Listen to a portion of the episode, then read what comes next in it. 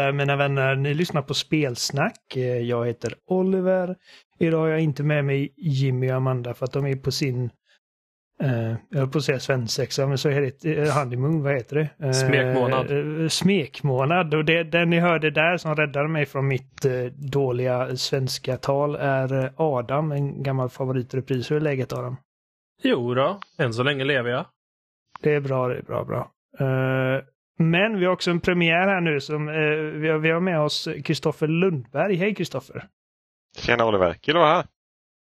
Ja, det, vi, jag, vi- alltså. Jag vet att jag tog upp det till dig för, jag vet inte, kanske två år sedan och sa att du borde, du borde joina spelsnack någon gång och köta. Och så har jag inte fått för mig liksom att, att försöka planera ihop något för att jag är lat och eh, kass. Eh, men nu när jag var själv så såg jag min chans och knep den. ja men vad bra. Jag trodde du skulle sandbagga det på mig där. Jag tänkte säga, jag har inte fått någon uppföljningsinvit sedan dess. Men, äh, Ja, nej, nej, men alltså man är inte den som säger "Va, hallå, när ska jag få komma på din podcast? För man vill liksom inte, typ, man vill inte eh, böna och be liksom. Alltså, man vill bli inbjuden. Lite värdighet vill man Eh, behålla ändå. Nej, men, nej, eh, ingen av er var mitt första val dock. Jag har verkligen jag har försökt... Eh, jag, jag har verkligen försökt eh, eh, att styra upp så att jag kan få intervjua min chef Joe Grant på eh, podden. Eh, helt enkelt för att jag känner att han har varit väldigt intressant att intervjua. Han har många intressanta historier. Och jag ska fortfarande försöka få det att funka, men han är alltså... Han drar sig. Han är, han är, han är lite blyg, tror jag. Och, och han, han säger att jag är, jag, är, jag är så jävla tråkig. Jag hade inte varit en bra gäst och jag bara... Jag vet inte fan, du har träffat honom Kristoffer. ja, jag, jag känner väl inte så. Jag känner mig okej med att komma, komma, komma bakom honom. Eh, nej, men, eh, han, han är ju skitball. Han har ju jobbat på massa coola, coola ställen och varit ganska högt upp också. Så han har väl insyn Ja. i massa coola grejer. Så eh, absolut, jag hade lyssnat på den intervjun. Ja men eller hur? Och, och jag tror att enda anledningen till att jag nämner detta är för att jag hade nämnt för Stefan förra veckan att jag tror att jag, eh, jag ska försöka få med Joe Grant. Så att nu vet du varför det inte blev en Joe Grant idag Stefan. För att eh, Joe, eh, han är svår att övertala. Han, han har så här imposter syndrome. Och tror att han inte har något intressant att komma med. Men eh, någon gång ska vi nog kunna styra upp det. Eh, men ja, kul, kul, att, eh, kul att ha er här båda två. Det, det, det är alltid roligare att, att eh, få med sig någon. Det har hänt att jag har gjort en podcast helt själv och bara suttit och babblat. Och det är liksom ett kul experiment. Bara se det, hur det funkar att driva en enmanna-podcast. För det finns ju sådana också. Men jag vet inte om jag är rätt person för att göra det. Jag tror att, jag tror att eh, Adam hade kunnat skicka in någon prompt till dig eller fram och tillbaka om någonting som ni sällan kommer överens om. För det känns som att det finns några sådana punkter och när vi sitter och spelar Halo ibland så känner jag det att bara, det, här, det här skulle kunna vara liksom ett debattformat istället. Där ena Ja, hur? bara 45 minuters retort. Det har varit många gånger som jag har haft liksom samtal både med dig och med Adam och liksom andra kompisar som jag känner det här har varit ett utmärkt podcast eh, samtal. Men då är det för sent liksom för att det känns som att det känns inte rätt att liksom bara ta samma konversation igen. För att då Nej. vet man redan var eh, den andra personen står och det blir inte lika intressant. Eh, Får helt enkelt börja Adam, spela du- in hela livet. Mm. Precis. Adam, du, du, du älskar Uncharted 3. Åh, absolut. Det är det bästa spel som någonsin gjorts av Sony. jag tror att det är en sån grej som jag och Adam har typ brottats om eh, väldigt länge. Att jag tycker att Uncharted 3 är liksom ett eh, var utmärkt äventyrsspel. Jag hatar Och det. Adam hatar Uncharted 3. Han har jämfört det med Hitler ett par gånger. Men, ja, ja, alltså nästan. eh, liten överdrift såklart, men Har kört 3 är värre för kört 3 har faktiskt gjort någonting medan jag har levt mot mig. ja. Nej, han skojar, men- folk. Eh, ta honom inte på allvar. Berätta för mig, För att jag, jag är fortfarande lite osäker på, alltså är, är det, det är bara storyn som du stör dig på?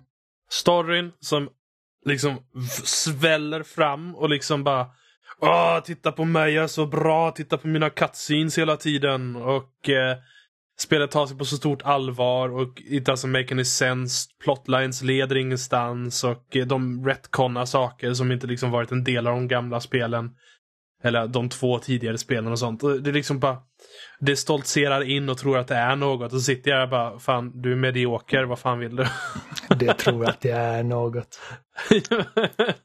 liksom, och, och, och så tyckte jag att de gjorde liksom melee-systemet sämre för att det i princip bara var quick time events och sånt. Jag bara, äh, jag tycker inte om det. Och eh, så så en massa 10 10 recensioner och så, sen dess har jag avskytt Uncharted 3. Uh, Uncharted 2 är bra tycker du dock. Uncharted 2 är jättebra. Det, det tas inte på lika stort 1, allvar. Uncharted 1 är ett okej första spel, men Uncharted 2 var typ ljusår bättre på alla sätt. Uncharted 4, Uncharted 4 är faktiskt bra. Uh, Lost Legacy. Lost Legacy, det var, just det, Playstation Vita. Det var bättre än 3. Nej. eh, Nej. eh, nej, det nej Lost Legacy, det Chloe det. och Nej, just det. Vad fan. Golden Abyss hette Vita-spelet. Ja. Ja, just det. Det Golden Abyss var bättre så- än trean. Och jag tyckte faktiskt om Lost Legacy. Det var bra. Så det är egentligen bara trean som suger, enligt dig? Ja. Jag tycker det är underligt alltså.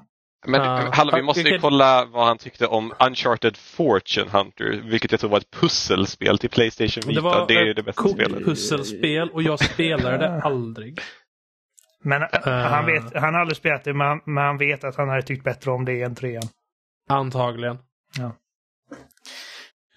Vi ska, inte, vi ska inte gå mycket djupare in på detta. Vi har säkert pratat om detta på podden förut och eh, enda anledningen till att jag tog upp det var för att det fick mig att tänka på det när Kristoffer sa när jag och Adam tjafsar om saker. Löjliga saker. Det är Eh, blodigt allvar, men visst. Men Kristoffer, hur, hur, eh, hur- hur känner jag dig, höll jag på att säga. Liksom, alltså, hu- Vem hur, är du? Ja. hur, hur kom vi i kontakt med varandra? Jag försöker komma ihåg vad, vad vår första, för vi spelade ju någonting tillsammans och det känns ju som att vi måste ha gjort det i en gemensam grupp. Jag vet kanske inte det kanske var du Adam till och med som medlade första gången. För jag nästan för att vi lärde känna varandra än förr i tiden. Men vi har åtminstone spelat, en av de första grejerna som jag kommer ihåg att vi spelade igenom tillsammans var eh, Gears of War Ultimate Edition. För det recenserade det, vi för- båda. Eh, Just det, du var på jag- Eurogamer då va? jag var på Eurogamer, exakt. Eh, Mm. När de gjorde en satsning där. Eh, 2014, 15 någonting. Så det måste ju ha varit någon av de första. Och sen spelade vi väl en hel del Halo 5, typ nästan från release. Och ja, pe- periodvis Ja, ända 5 har fram till, eh, till att Jävla släpptes liksom. Så Ja. ja. det är klockat många timmar där. Ja, så att alltså, för att du, du är inte liksom en del av den svenska spel, spelpressen idag, men du brukade vara det och det är så vi känner dig. Så kan man väl säga. Eh, från början. Jag minns inte faktiskt om det var Gear som var det första liksom, alltså för att det känns weird att för jag vet att jag kände Adam före dig och Adam lärde jag känna för att han läste min blogg på Game Reactor och kommenterade ibland. Och jag hade bloggat om min första liksom genomspelning av Prince of Persia-trilogin. Alltså den, inte de absolut första, men, men de första Ubisoft. Sands of Time, uh, Warrior Within, Warrior Two Within. Thrones. Mm. Just det. Och eh, Adam är väldigt, liksom, väldigt eh, passionerad över Prince of Persia-trilogin och eh, vi började DMa för att jag beklagade mig så jävla illa över liksom typ den tonala whiplashen som var mellan första och andra spelet. Ja, Eh, och, och det var därifrån så vi började spela lite Titanfall tillsammans och sen så efter, liksom inte långt efter det så började han skriva för Eurogamer och jag antar att det är så jag kom i kontakt med dig bara genom honom då. Ja, men så, Ehm. så kan det nog ha varit. Adam, jag försöker, du kanske kommer ihåg det här. Det här, det här är jätteintressant för alla andra som inte har tagit del av de här minnena. Men jag försöker komma ihåg. eh, för ju, det var ju ett gäng som startade Eurogamer som innan hade startat IGN Sverige. Eller det Ja, var i stort jag sett ett var ganska på stort. IGN också med dem. Ja. Jag försöker Mm. komma ihåg om det var om jag eller du kom in på IGN först Adam. Kommer du ihåg det? Vem av oss som kom in först eller? Ja, jag, för vi, jag vet inte. Vi spelade väl bara kanske tillsammans och så sen tror jag att någon... Ja, Vi, ja. Nå, jag, jag kommer inte ihåg. Jag vet att jag började hos IGN. Min första recension var Alien Isolation. Mm. Det var då jag... Nej! Jo, det var det. Det var Alien Isolation som var min första recension där. Eh, sen kom jag inte ihåg exakt. Det måste ha varit 20... 2014 sen som jag började... Nej. Å- åren smälter ihop. Jag är gammal. Gaga gogo i huvudet. Ja, vi, jag, ja. jag var också mycket på Game Reactor en gång i tiden där, där vi alla köpade, tror jag, eller många som säkert lyssnar på den här podden på den tiden också var tidigt 10-tal. Eh, Mm. Och eh, sen eh, ja, men bouncade runt lite på tidningar innan jag började med annat. Så Mm. ja, så kan det väl vara. Så är livet. Ja. Ja. ja det, det känns som en hel livstid sedan. Det har hänt mycket sedan dess liksom i ens liv. Och, och då är det inte ens, men man tänker liksom, det är inte ens tio år. Nej. 2014, Nej. det är nästa år. Åh gud. Ja, ska vi, ska vi Ja. prata om något annat för att sluta låta gamla? ja, jag känner mig alltid gammal, men Mm. Men Men du så är, är ju det. mentalt Ja. 40, 75 eller sånt. Ja, alltså jag bara satt där och zonade ut nu helt, helt, helt och hållet. Och började tänka på hur snabbt tiden går och, och hur gammal jag känner mig. M- men ja. Uh, tänkte... Förra veckan så pratade Jimmy, Amanda och gäst Stefan om Tears of the Kingdom lite och jag var inte med då. Eh, så jag tänkte att vi ska inte göra det här till ett liksom helt avsnitt till om Zelda, men bara lite snabbt om vad, vad jag känner och även höra hur, Adam känner om det. Och så ska vi grilla Kristoffer om varför han inte gillar Zelda. Ehm,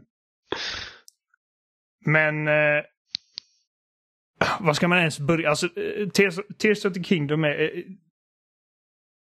jag vet inte vad, vad, vilket spel i år som har en chans att grabba mig som det här spelet gjorde. Och jag, jag räknar faktiskt inte riktigt med det för att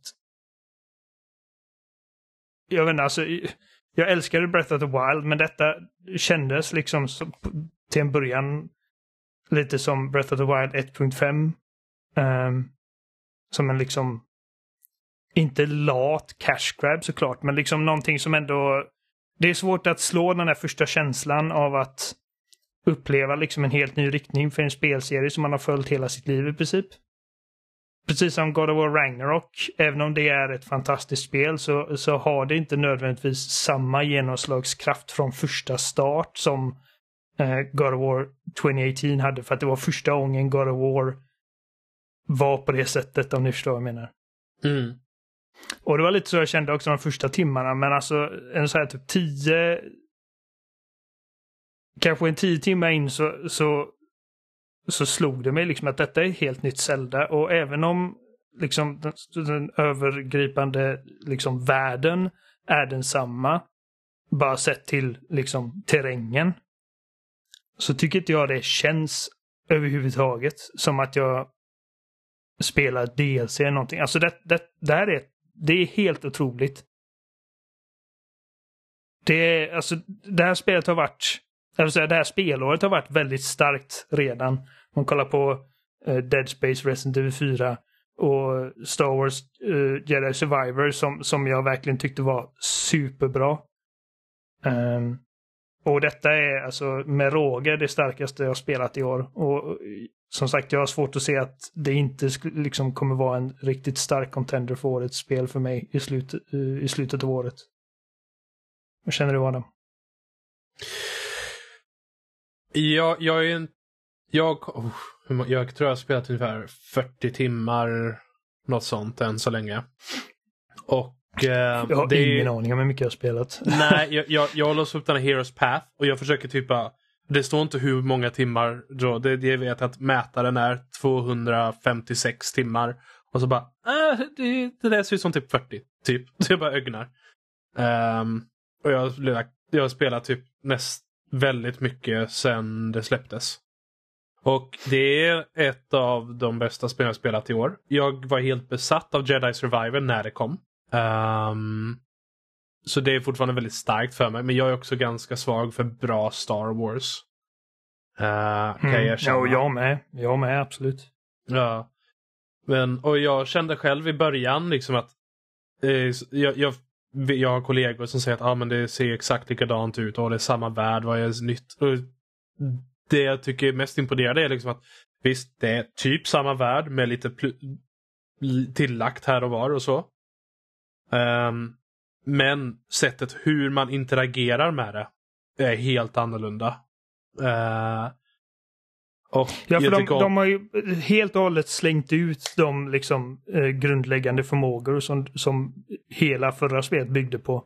Ja. De hade hur lätt som helst bara kunnat låta dig eh, ha dem igen och liksom bara fortsätta bygga liksom utmaningar och pussel kring dem. Men de slänger mm. ut dem och så ger de dig helt nya grejer. Om man kollar på typ Ultra Hand som är typ magnesis på steroider. För att magnesis var att du kunde plocka upp metalliska objekt och här kan du liksom mm. plocka upp i princip vad som helst. Och allting ja. går att sättas ihop. och Det är liksom till ytan väldigt likt Breath of the Wild. Alltså liksom bara screenshots bredvid varandra så hade till och med jag haft svårt att liksom säga vilket av dem som är vilket spel.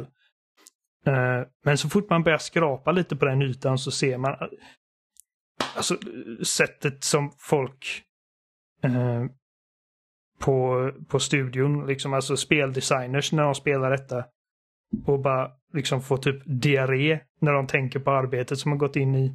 För bara en sån sak, men liksom en grej som gick runt på Twitter, jag vet inte om det var förra året eller förra, förra där det pratades om även simpla saker som fungerande dörrar i spel, hur komplicerat det kan vara att, att implementera rätt. Mm. Och här har du liksom att du kan i princip... Alltså det, det finns... Ja, det finns knappt några gränser för vad du kan liksom hitta på med den här sandlådan. Det är en sandlåda i liksom alla ordets bemärkelser. Mm. Att det, det, är liksom din fantasi som, som sätter um, som sätter begränsningar på det. Ja, och det är kom, när man kollar. Ja. Kommer du ihåg förr runt Xbox och Playstation 2-eran? Då fanns det knappt några Open World-spel, men det var sandlådespel. Mm. Och, sen, och det försvann lite med tiden till viss del. Men det här spelet lever fortfarande liksom i den andan med liksom att visst, det är en stor värld i en open world-spel. Men det är liksom att här är en bunt med verktyg. Gör vad du kan och liksom bara testa och se hur det går. Och man bara hmm. Det, det, ja. det, det är så annorlunda sätt att göra ett open world-spel på jämfört med hur statiska upplevelser de andra är idag. För idag, man, man tänker liksom när man snackar om sandlådespel så tror jag att för, för många människor så innebär det bara liksom att det är en öppen värld. Liksom att du inte är bunden på en linjär bana. Mm. Um, men för mig är den termen mer om liksom vad, hur mycket agens du som spelare har inom den här lilla leksakslådan som speldesignersen har skapat för dig. Mm. Som Halo skulle jag säga är liksom ett sandlådespel. Även om det inte är ett open world-spel. Liksom, de kollar första eh, från första Halo redan, liksom, när de öppnar upp banorna lite som Silent Cartographer. Det är definitivt liksom en, en sandlåda i sig. Mm. Där du kan eh, leka med de olika systemen och de olika verktygen som du har. Um, Medan någonting som typ The Witcher som är helt massivt, det skulle jag inte säga är ett sandlådespel. Nej. Um, men detta är definitivt en sandlåda och, och det, är, alltså, det är verkligen Alltså man, det, det är liksom en, en leksakslåda. liksom att, här har du dina leksaker och bara till en början så kände jag liksom att okej. Okay, eh, hela det här spelet bygger nu kring liksom att jag ska liksom sätta ihop grejer och, och, och verkligen vara typ ingenjör här. Och jag känner att jag inte är riktigt kreativ nog för det. Men spelet kräver aldrig sånt heller utan det är mer liksom att spelet ger dig utrymme att i princip outsmarta spelets pussel. Men, men spelet är också designat så liksom att det tillåter dig att göra det. Det är inte så att eh, designers liksom bara åh gud, de använder den här liksom raketen på en sköld för att komma över det här hindret vi har satt, utan det är liksom uppmuntrat. Mm. Um, och om man kollar liksom typ på Reddit och, och ser vilka grejer folk har alltså jag, såg folk har ut enorma mex med auto uh, avfyrande liksom typ Reagans och, och, och drönare som man liksom bara sätter igång och sen flyger den upp i luften och automatiskt söker upp fiender och bara bombar dem ovanifrån. Och jag bara liksom, även om jag har spelat det här spelet i typ, jag måste det ta 50 timmar ungefär också. Jag har ingen aning om hur de har lyckats slä slänga ihop de här grejerna. Vad är det coolaste du har skapat då?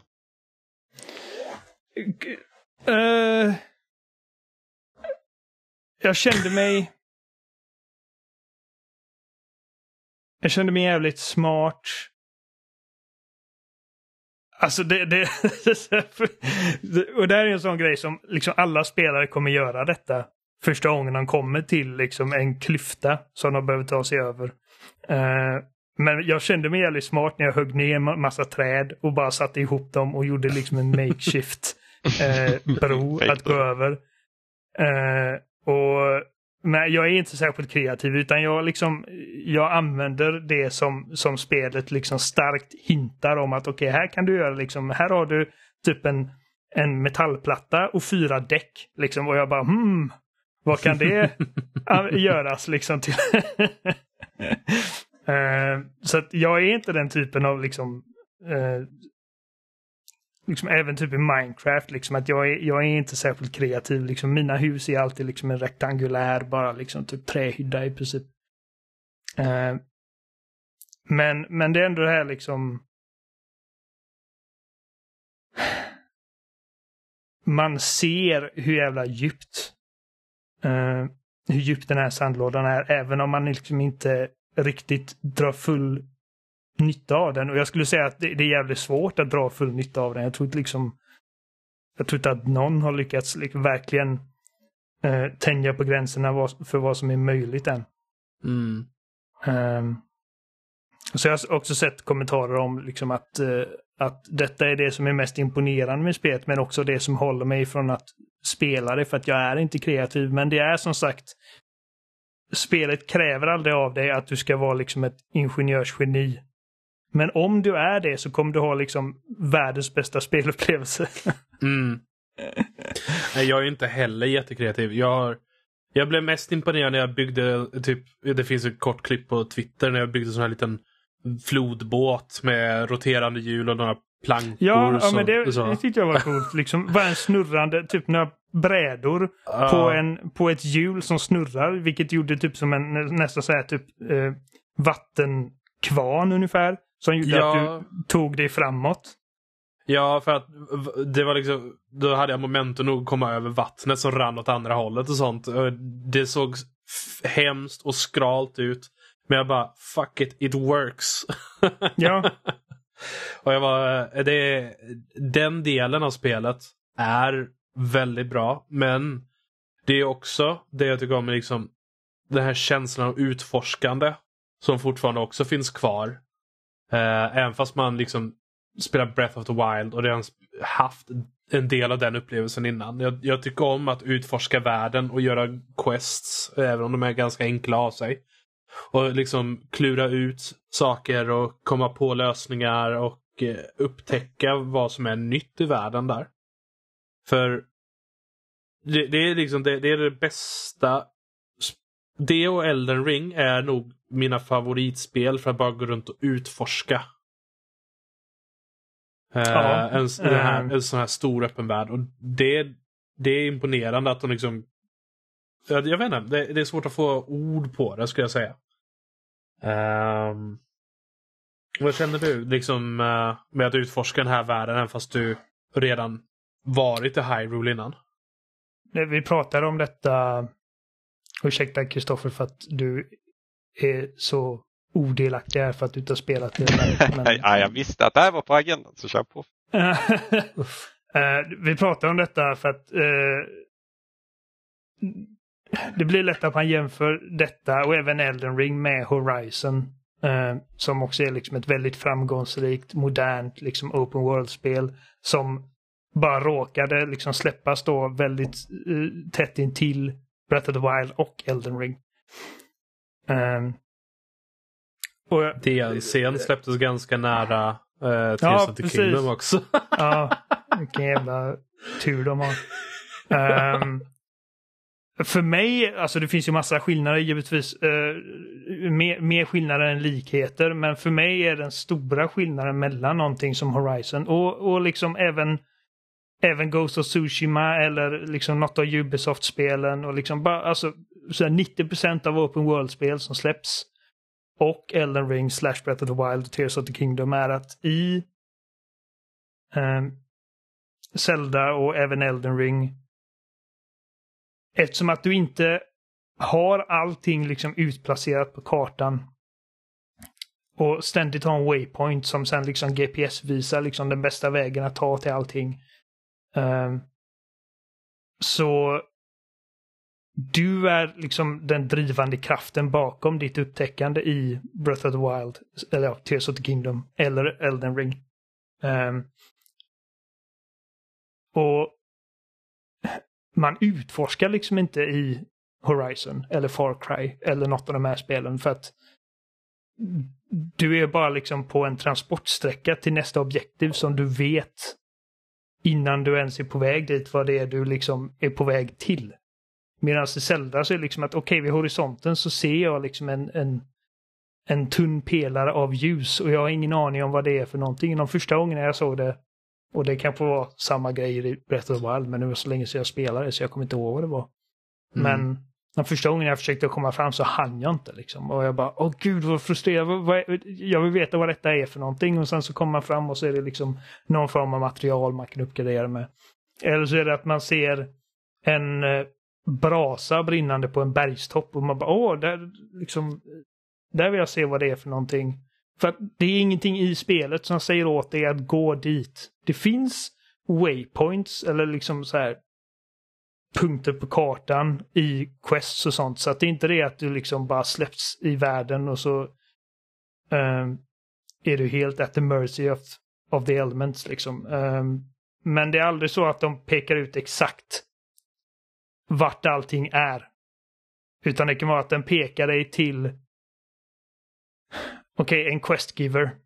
Eh, som sen då säger okej, okay, nordöst om, eh, om den här platsen finns det liksom en bergstopp och på det bergstoppet finns det ett liksom körsbärsträd och där har jag hört att det ryktas om att det finns liksom en legendarisk häst eller någonting där. Så det är väldigt löst. Och du tvingas liksom då um, själv navigera till de här platserna. Och mm. det finns alltid något spännande att hitta. Och ja, Nintendo är jävligt bra på att liksom få de här grejerna att stå ut, alltså landmärken och sånt, i den öppna världen. Sen också oavsett vart man går så finns det alltid någonting. Vare sig det är något material för att uppgradera en rustning eller kanske ett svärd eller något sånt. Det finns alltid någonting någonstans oavsett vart man går som liksom är en liten upptäckt eller något. Det är liksom... Mm. Det känns aldrig som att jag slösar tid av att gå i en viss riktning i spelet. Nej, nej, absolut inte. Och det var länge sedan. Jag vet inte när.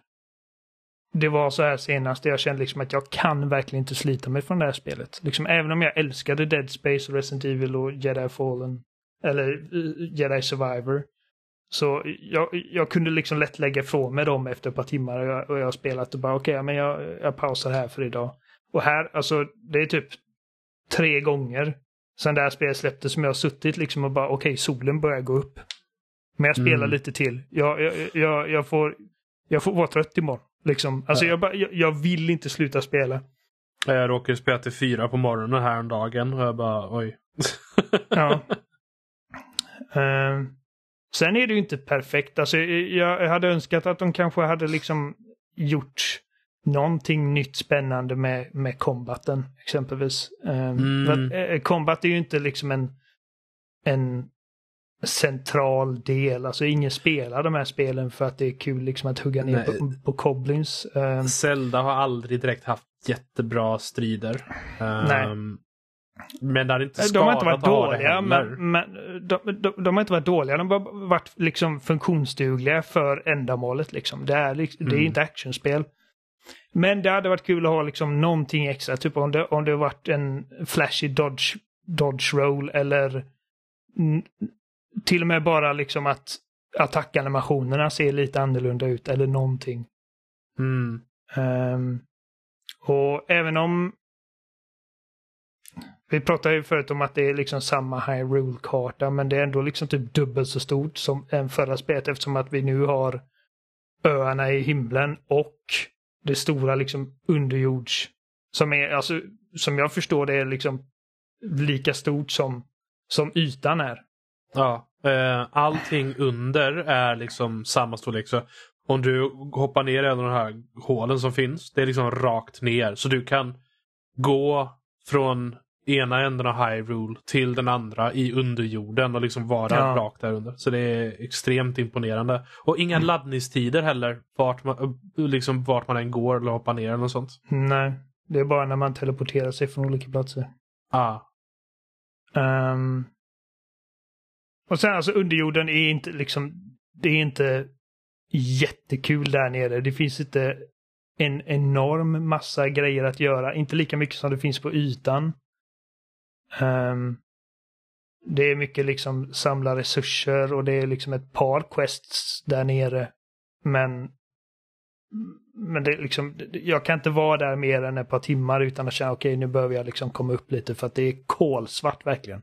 Ah. Och det är det blir lite tradigt i längden för att allting ser nästan likadant ut där, där nere. Så att eh, det hade varit coolt om det var lite mer. Och nu har inte jag utforskat allt där nere såklart så att det finns garanterat saker som, ut, som sticker ut från mängden och så. Eh, men baserat på det jag spelat så, så känner jag att det, det är definitivt av de tre nivåerna de har så liksom himmelöarna och Hyrule ytan och underjorden så är underjorden den, den miljö jag tycker minst om.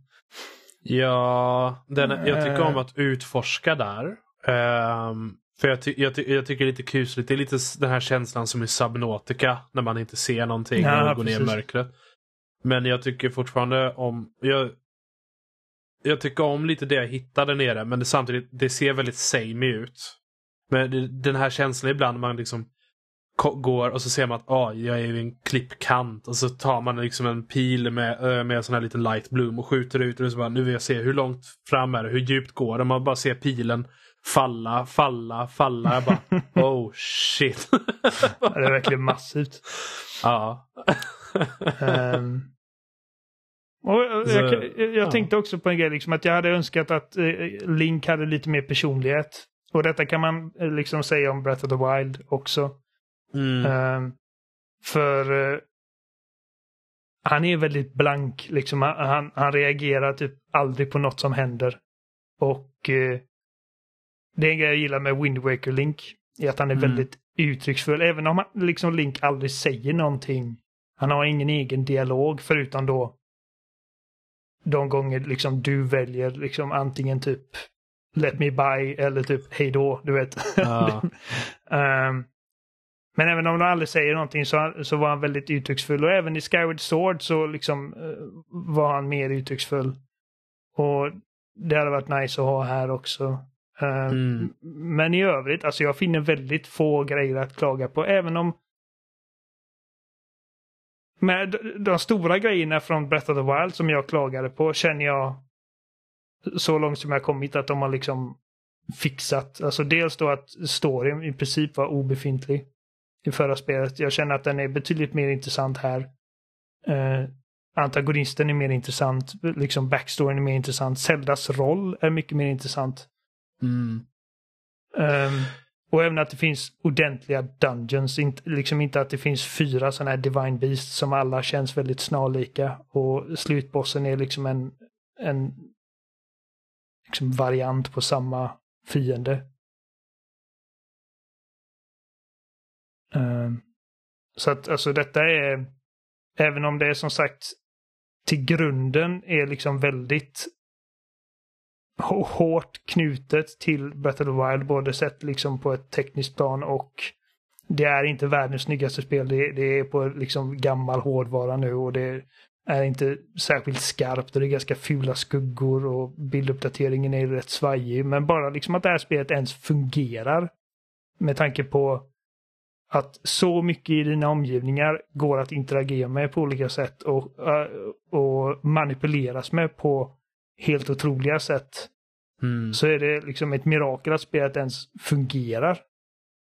Um, och uh, de har verkligen lyckats liksom trycka in mer kreativitet och smart design och lekfullhet i de här systemen de har än vad liksom många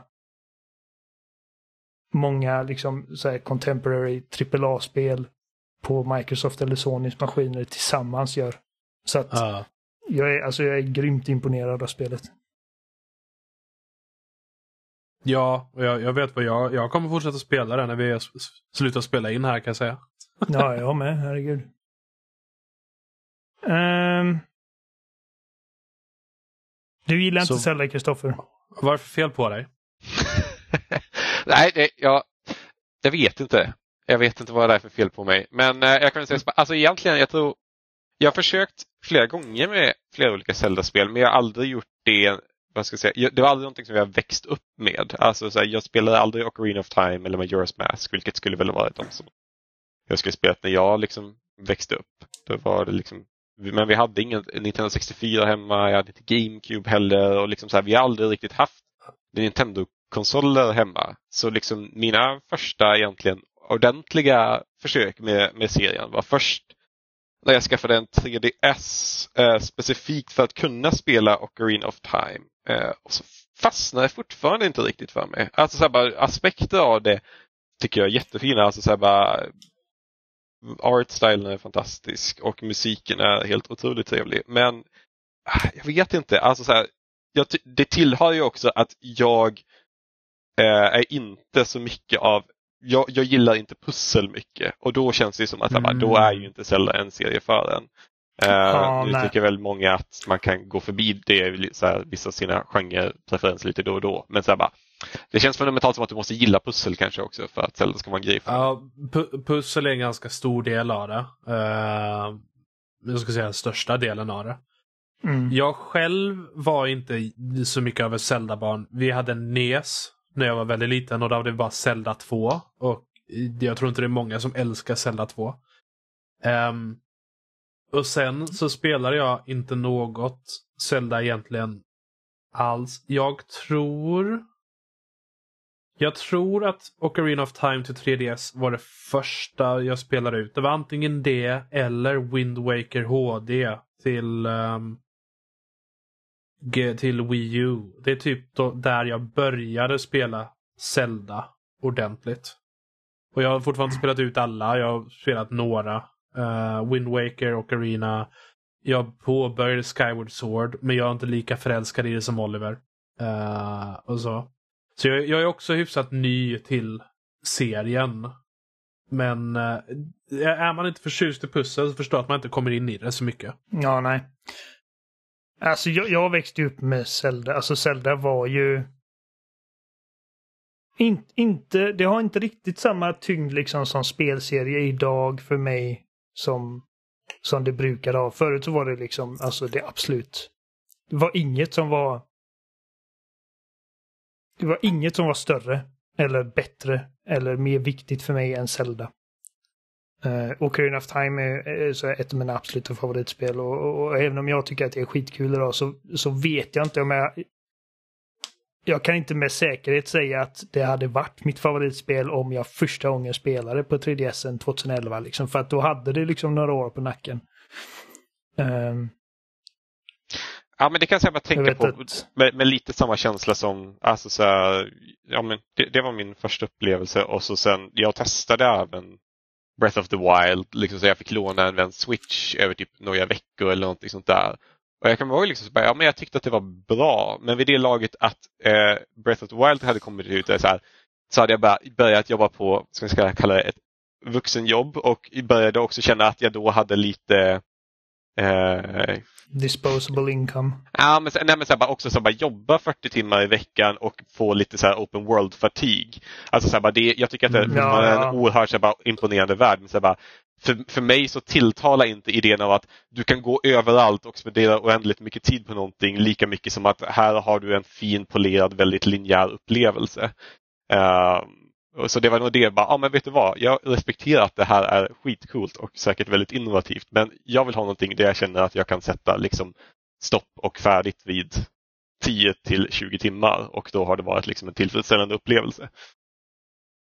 Ja, eh, generellt så håller jag med dig. Liksom att jag, jag föredrar eh, spel som tar typ 12 till 20 timmar framför spel som tar 150 timmar.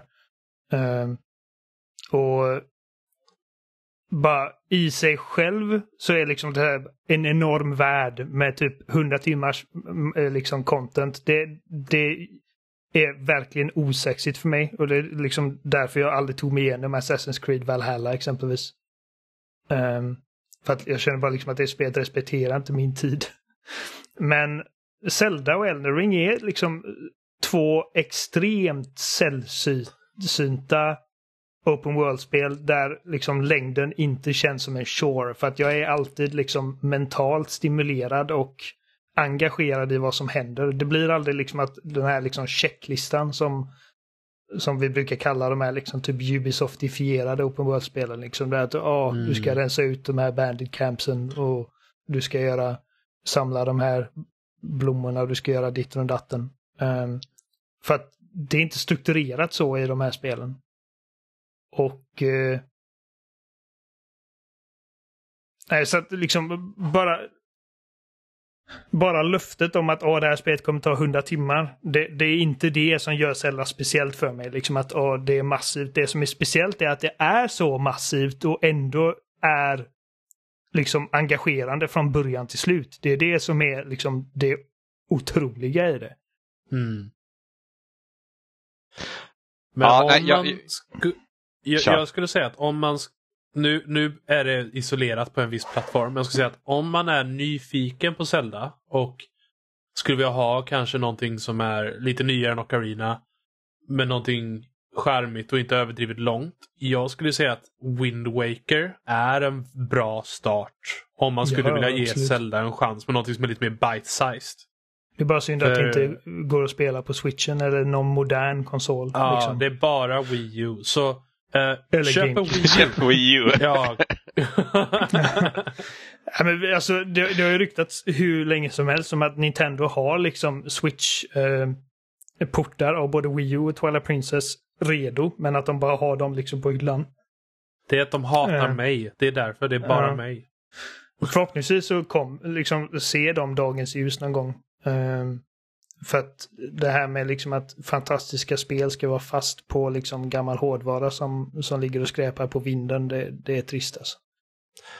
Uh, men, men Wind Waker tror jag absolut är liksom att uh, det håller än idag för att det känns inte som att det har föråldrats på samma sätt som typ Ocarina of Time har. Det har mm. verkligen en, uh, framförallt så har det verkligen en tidlös liksom grafisk design. Oh ja.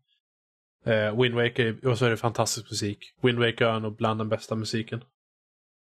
Väldigt bra musik. Ah. Zelda generellt har väldigt bra musik. Ah. Um, nej men så jag, jag förstår det Kristoffer. Det är samma som att uh, liksom Ocarina of Time var mitt första Zelda och uh, jag hade liksom inte första, alltså NES och jag hade inte Super Nintendo så att uh, första gången jag spelade första Zelda och Zelda 2 och A Link to the Past var liksom eh, flera år senare. Och då hade inte de samma genomslagskraft för mig som Ocarina of Time hade liksom. Um, Nej, men Det är bara, det, det, det, det är, precis som med dig så älskade jag Elden Ring och det var första From Software-spelet som alltså, av någon anledning så klickade det för mig på sätt som Bloodborne eller Sekiro eller Dark Souls inte hade. Och samma sätt jag trodde aldrig Mm. att jag skulle gilla något Final Fantasy-spel men eh, sen kom Final Fantasy 7 Remake och jag tyckte att det var liksom helt suveränt. Så jag vet inte, jag, jag kanske får testa styrspakarna på Tears of the Kingdom och så klickade bara kanske. Till slut kan det hända. Men du har testat Breath of the Wild va? Ja, men det hade jag. Och, eh, nej men som sagt, det är Jag ja, nej, men, ifall man inte gillar Breath of the Wild så vet det fan om Tears of the Kingdom kommer vara det som vinner över en liksom.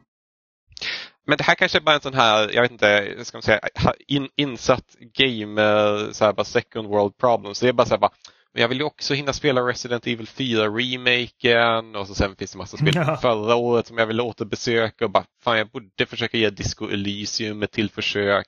Och så är det bara så här, bara, ja, ja, och så sen ska jag, då har jag svårt typ att slappna av av att tänka på att nu ska jag sitta 100 timmar i Zelda. Vilket är ju fel inställning, du ska ju spela för att det är kul. Men eh, ja, Mm. det är, eh, op- open world-spel, det är ju ofta så här stora antaganden. Så eh, jag kanske får ta det en Ja, period det- där jag känner att man bara, nu är det helt Ja. torrt, nu, jag nu vill jag inte starta någonting annat, utan nu vill jag bara djupa, djupdyka i det här. Jag, jag kan tänka så här med Open World-spel. Jag är så glad att jag slipper recensera Assassin's Creed-spel igen. Ja, Det tar så det- mycket tid. det tar tid. Så har man en Ja. deadline på typ tre dagar. Ja, jag spelar 40 timmar, jag är inte närheten av slutet. What the fuck? Det sista jag recenserade var Syndicate och det var liksom innan de blev sådär liksom alltså bara obscent stora. Det första var ju Ja. Origins. Ja, Jag, jag recenserade ju Valhalla och Odyssey. Och det var liksom för mycket. Det var för stort och det är så mycket vakuum emellan. Men man måste liksom göra det för att uppgradera och så. Jag bara... Åh, Att du överlevde. Usch. Jo, jag överlevde men eh, det tog mig ungefär 100 timmar innan jag var någorlunda klar med Odyssey. Och då har jag inte ens kört ut DLCn. Jag bara, nej, det är inte acceptabelt. Så ja. Ja. Ehm, du hade precis klarat Dead Space-remaken, Kristoffer. Ja, men det stämmer. Riktigt bra spel. Och du hade inte klarat, du har inte spelat originalet ens. Nej, alltså inte mer. Jag tror att jag eh, hann se de här öppnade typ tre minuter eller fem minuter, hur långt det nu tar för en att möta den första liksom necromorphen. Men där stängde nog jag av. För, ja, vad var jag? 15 år gammal eller någonting sånt där eh, när, när originalet kom ut. Det var för mycket för Mm. 15-åriga Kristoffer. Mm. Men, Ja, men eh, det, vad- det, det håller tycker du? Ja men absolut. Alltså Sebbe, jag tycker att det det som, det som Alltså jag tycker inte alls att det är, kändes föråldrat ärligt talat mer än att det inte fanns en oändlig eh, ös sidequest som kändes inkonsekventa. Alltså så här, jag blev mer slagen av att hur liksom så här, någorlunda tight det kändes. Um, det här blir ju säkert då bara egentligen att upprepa saker som folk har säkert har sagt om spelet i 15 år snarare då. Men, nej, men det håller upp. Det, det, det som jag tycker väl är mest är väl så här bara att storyn eh, är ju inte sådär jättetajt liksom presenterad. Det är ju ändå ganska mycket text och audiologgrävande och saker förklaras inte super, super tydligt. Eller så blir det så att det blir ganska många namn som flyter ihop lite grann i liksom olika textlag och grejer. Uh, det var väl egentligen det största för att jag, jag spelar det här tillsammans med min, min tjej som ibland tycker om att det är kul att bara titta på spel som ser intressantare ut för storyns skull. Och jag tänkte bara, fan det här, det här känns som ett roligt spel för oss att spela tillsammans. Men, eh, men hon tyckte att det var väldigt svårt att hänga med för att det är den totala avsaknaden av cutscenes. Eh, och det kan jag Ja. nästan förstå också. Det, det spelet hade faktiskt mått bra av lite mer, liksom ska säga, direkt, direkta berättartekniker.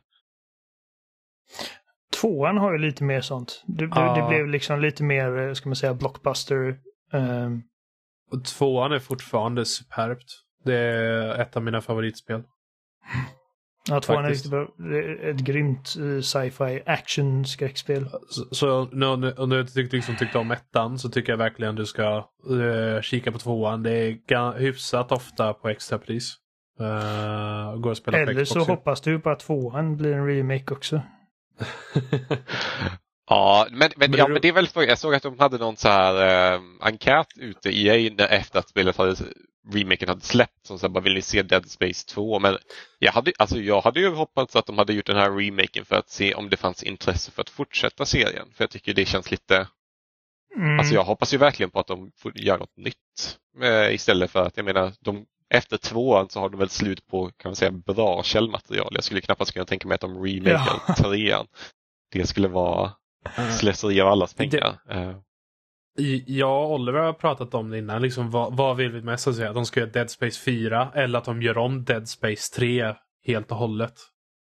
Det, det, jag vet inte vad jag hade föredragit själv faktiskt. Alltså om, de, om det kommer en remake av tvåan så tror jag det kommer säkert bli jättebra och jag, jag kommer spela det. Grejen är att jag ser mindre utrymme för modern eh, tolkning och förbättring i tvåan, originalet, än vad som fanns i ettan. För mycket av det de förbättrade i ettan var att göra det mer som tvåan. Ja, precis. Mer, lite mer fluid och eh, eh, strömlinjeformat antar jag. Liksom, bort med de grejer som, som inte riktigt uppskattades. Men för att eh, remaken känns väldigt mycket som ettan, bara liksom på det stora hela.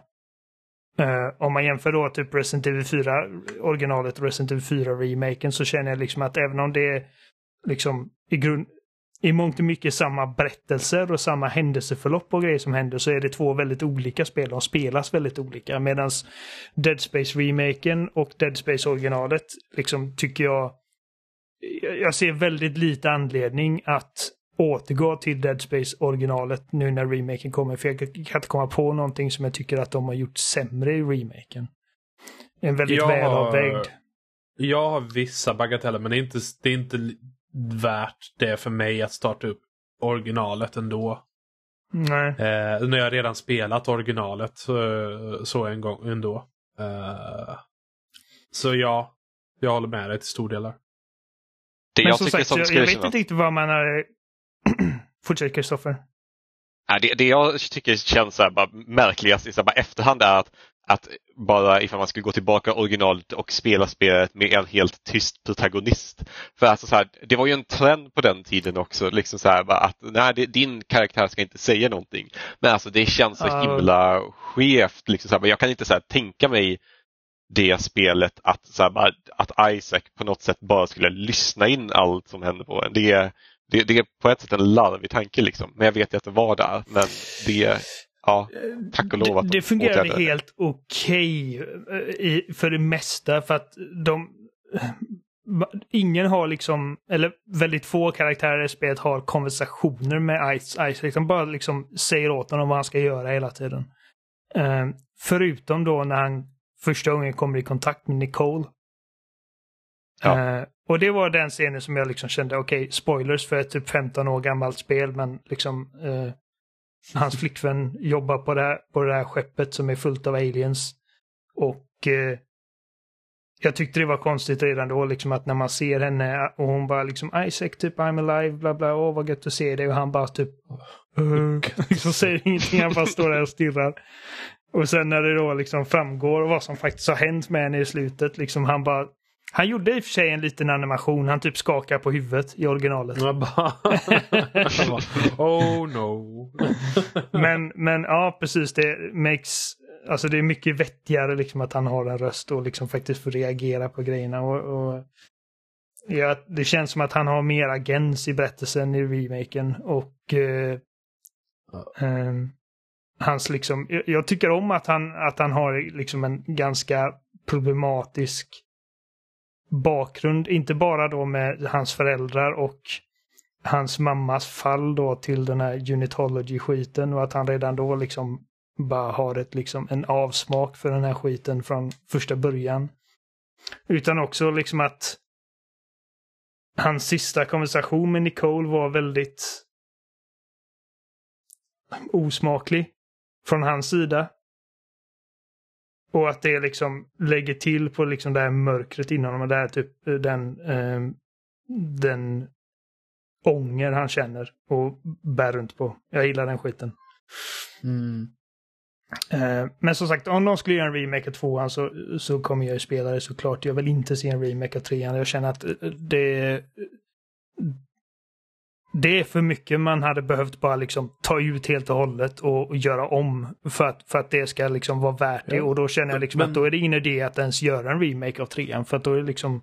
Men då är det reimagining. Tänk om de skulle ta det som de först planerade eh, innan EA kom med sina flåtiga mikrotransaktionsfingrar och bara co-op down. Och liksom började smeta i allting. Och de tog de här originalkoncepten liksom utvecklade istället. Oh, Jag, jag, tror, jag tror det hade varit en intressant idé och sen hade vi kunnat ha en fortsättning istället för bara den här konstiga cliffhangern de hade i slutet av DLCn till trean som vi körde. Ja, alltså undrar. Så jag tror att allra helst så vill jag se liksom något helt nytt. Men om man ska göra remake så undrar det inte bara liksom varit bäst att... Okej, ingenting är heligt. Så nu har vi liksom... Vi har gjort en remake på ettan och det är väldigt troget originalet. Men efter det så löst remakar vi händelserna i tvåan och trean. Mm.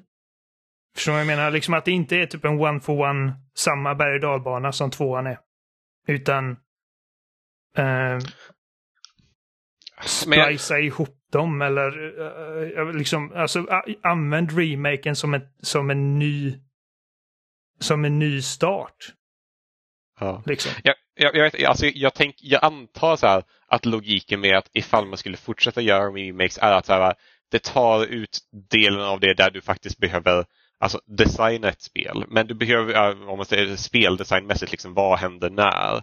Men det är fortfarande så att de måste göra liksom, nya assets från grunden och de måste testa det och liksom, göra, göra hela faderullan. Så jag tänker att fördelen för EA skull är väl så här, ja men vi har gjort det här redan, vi vet att folk gillar det och det tar typ kortare tid att göra. Eh, desto mer man tar ut i svängarna känns det så här bara, men då är det väl lika bra typ att fan, då, då, då gör man väl bara något nytt istället. Eh, Ja. För det känns så här bara, alltså enda egentligen anledningen jag kan se, jag kan fatta att man liksom så här rebootar originalet eller typ det mest populära spelet som de gör med Silent Hill 2.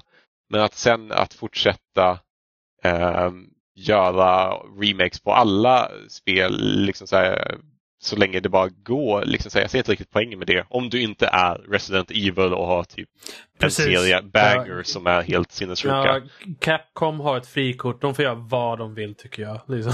Eh, Capcom har ju satt liksom en, en precedent nu, liksom att man, vi gör om hela den här serien. Och det, nu, det är nu vi frågar oss liksom, vad händer efter Remake 4? Liksom? Ska de göra en remake av femman då? Vilket jag känner också är liksom helt meningslöst egentligen. Ja. Ja, det Ehm. blir, det blir lite, det blir ju lite Dead Space 3-territorium nästan. Och kanske, EA kanske sitter Ja. och sneglar på Capcom just nu. Vad fan, gör de det eller? Gör de det? det de gör, gör vi. Eh, nej, men jag kan tänka mig liksom att antingen då, om man, om man då skulle göra Dead Space 4 som fortsätter händelserna efter Dead Space 3. eh, och låter remaken vara liksom, ja men vi gjorde bara en remake. Liksom, för att liksom typ återväcka Uppliva. intresset och liksom livet i den här serien. Eller om man gör ett helt nytt spel som är en uppföljare på remaken men man struntar i att remakea tvåan och trean. Bara ta det i en helt annan riktning. Ja. Hmm. För att sånt har man ju sett liksom i film. Hur, ehm, hur filmserier rebootas och sen liksom okej nu gör vi uppföljaren på rebooten.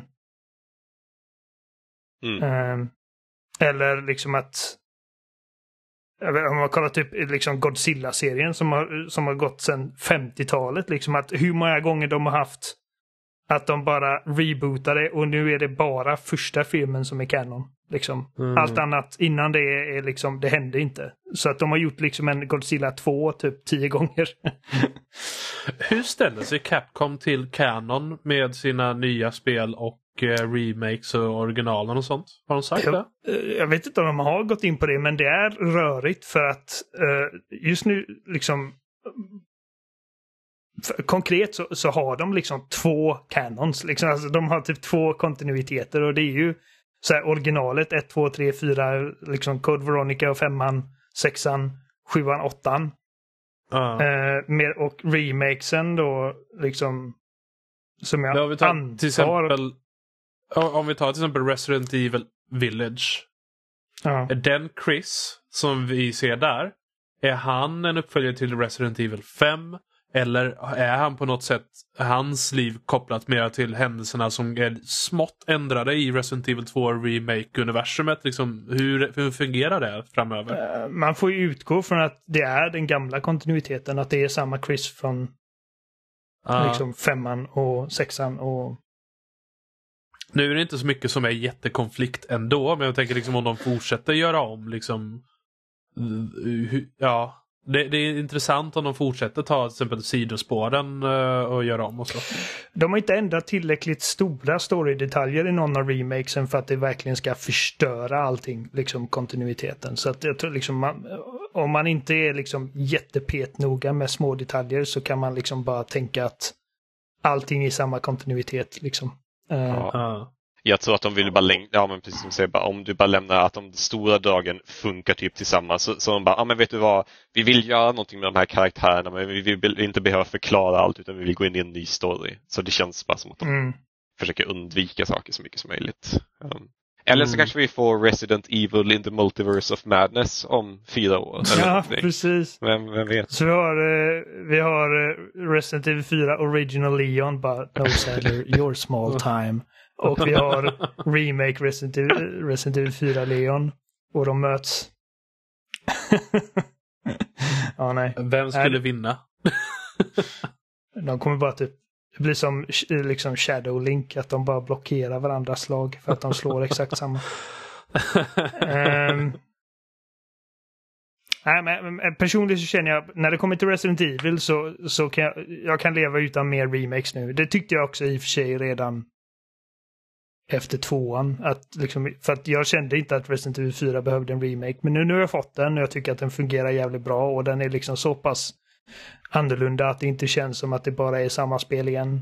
Så, så jag är nöjd. Men, men jag ser ingen mening med det är i så fall antingen om man skulle gå tillbaka till ettan en tredje gång och göra det liksom i stil då med vad, som, vad de gjorde med tvåan, trean och fyran. Liksom uh, over the shoulder för att Resident Evil 1 har ju fått en remake, men det var ju en mer trogen remake med liksom fasta kameravinklar och grejer.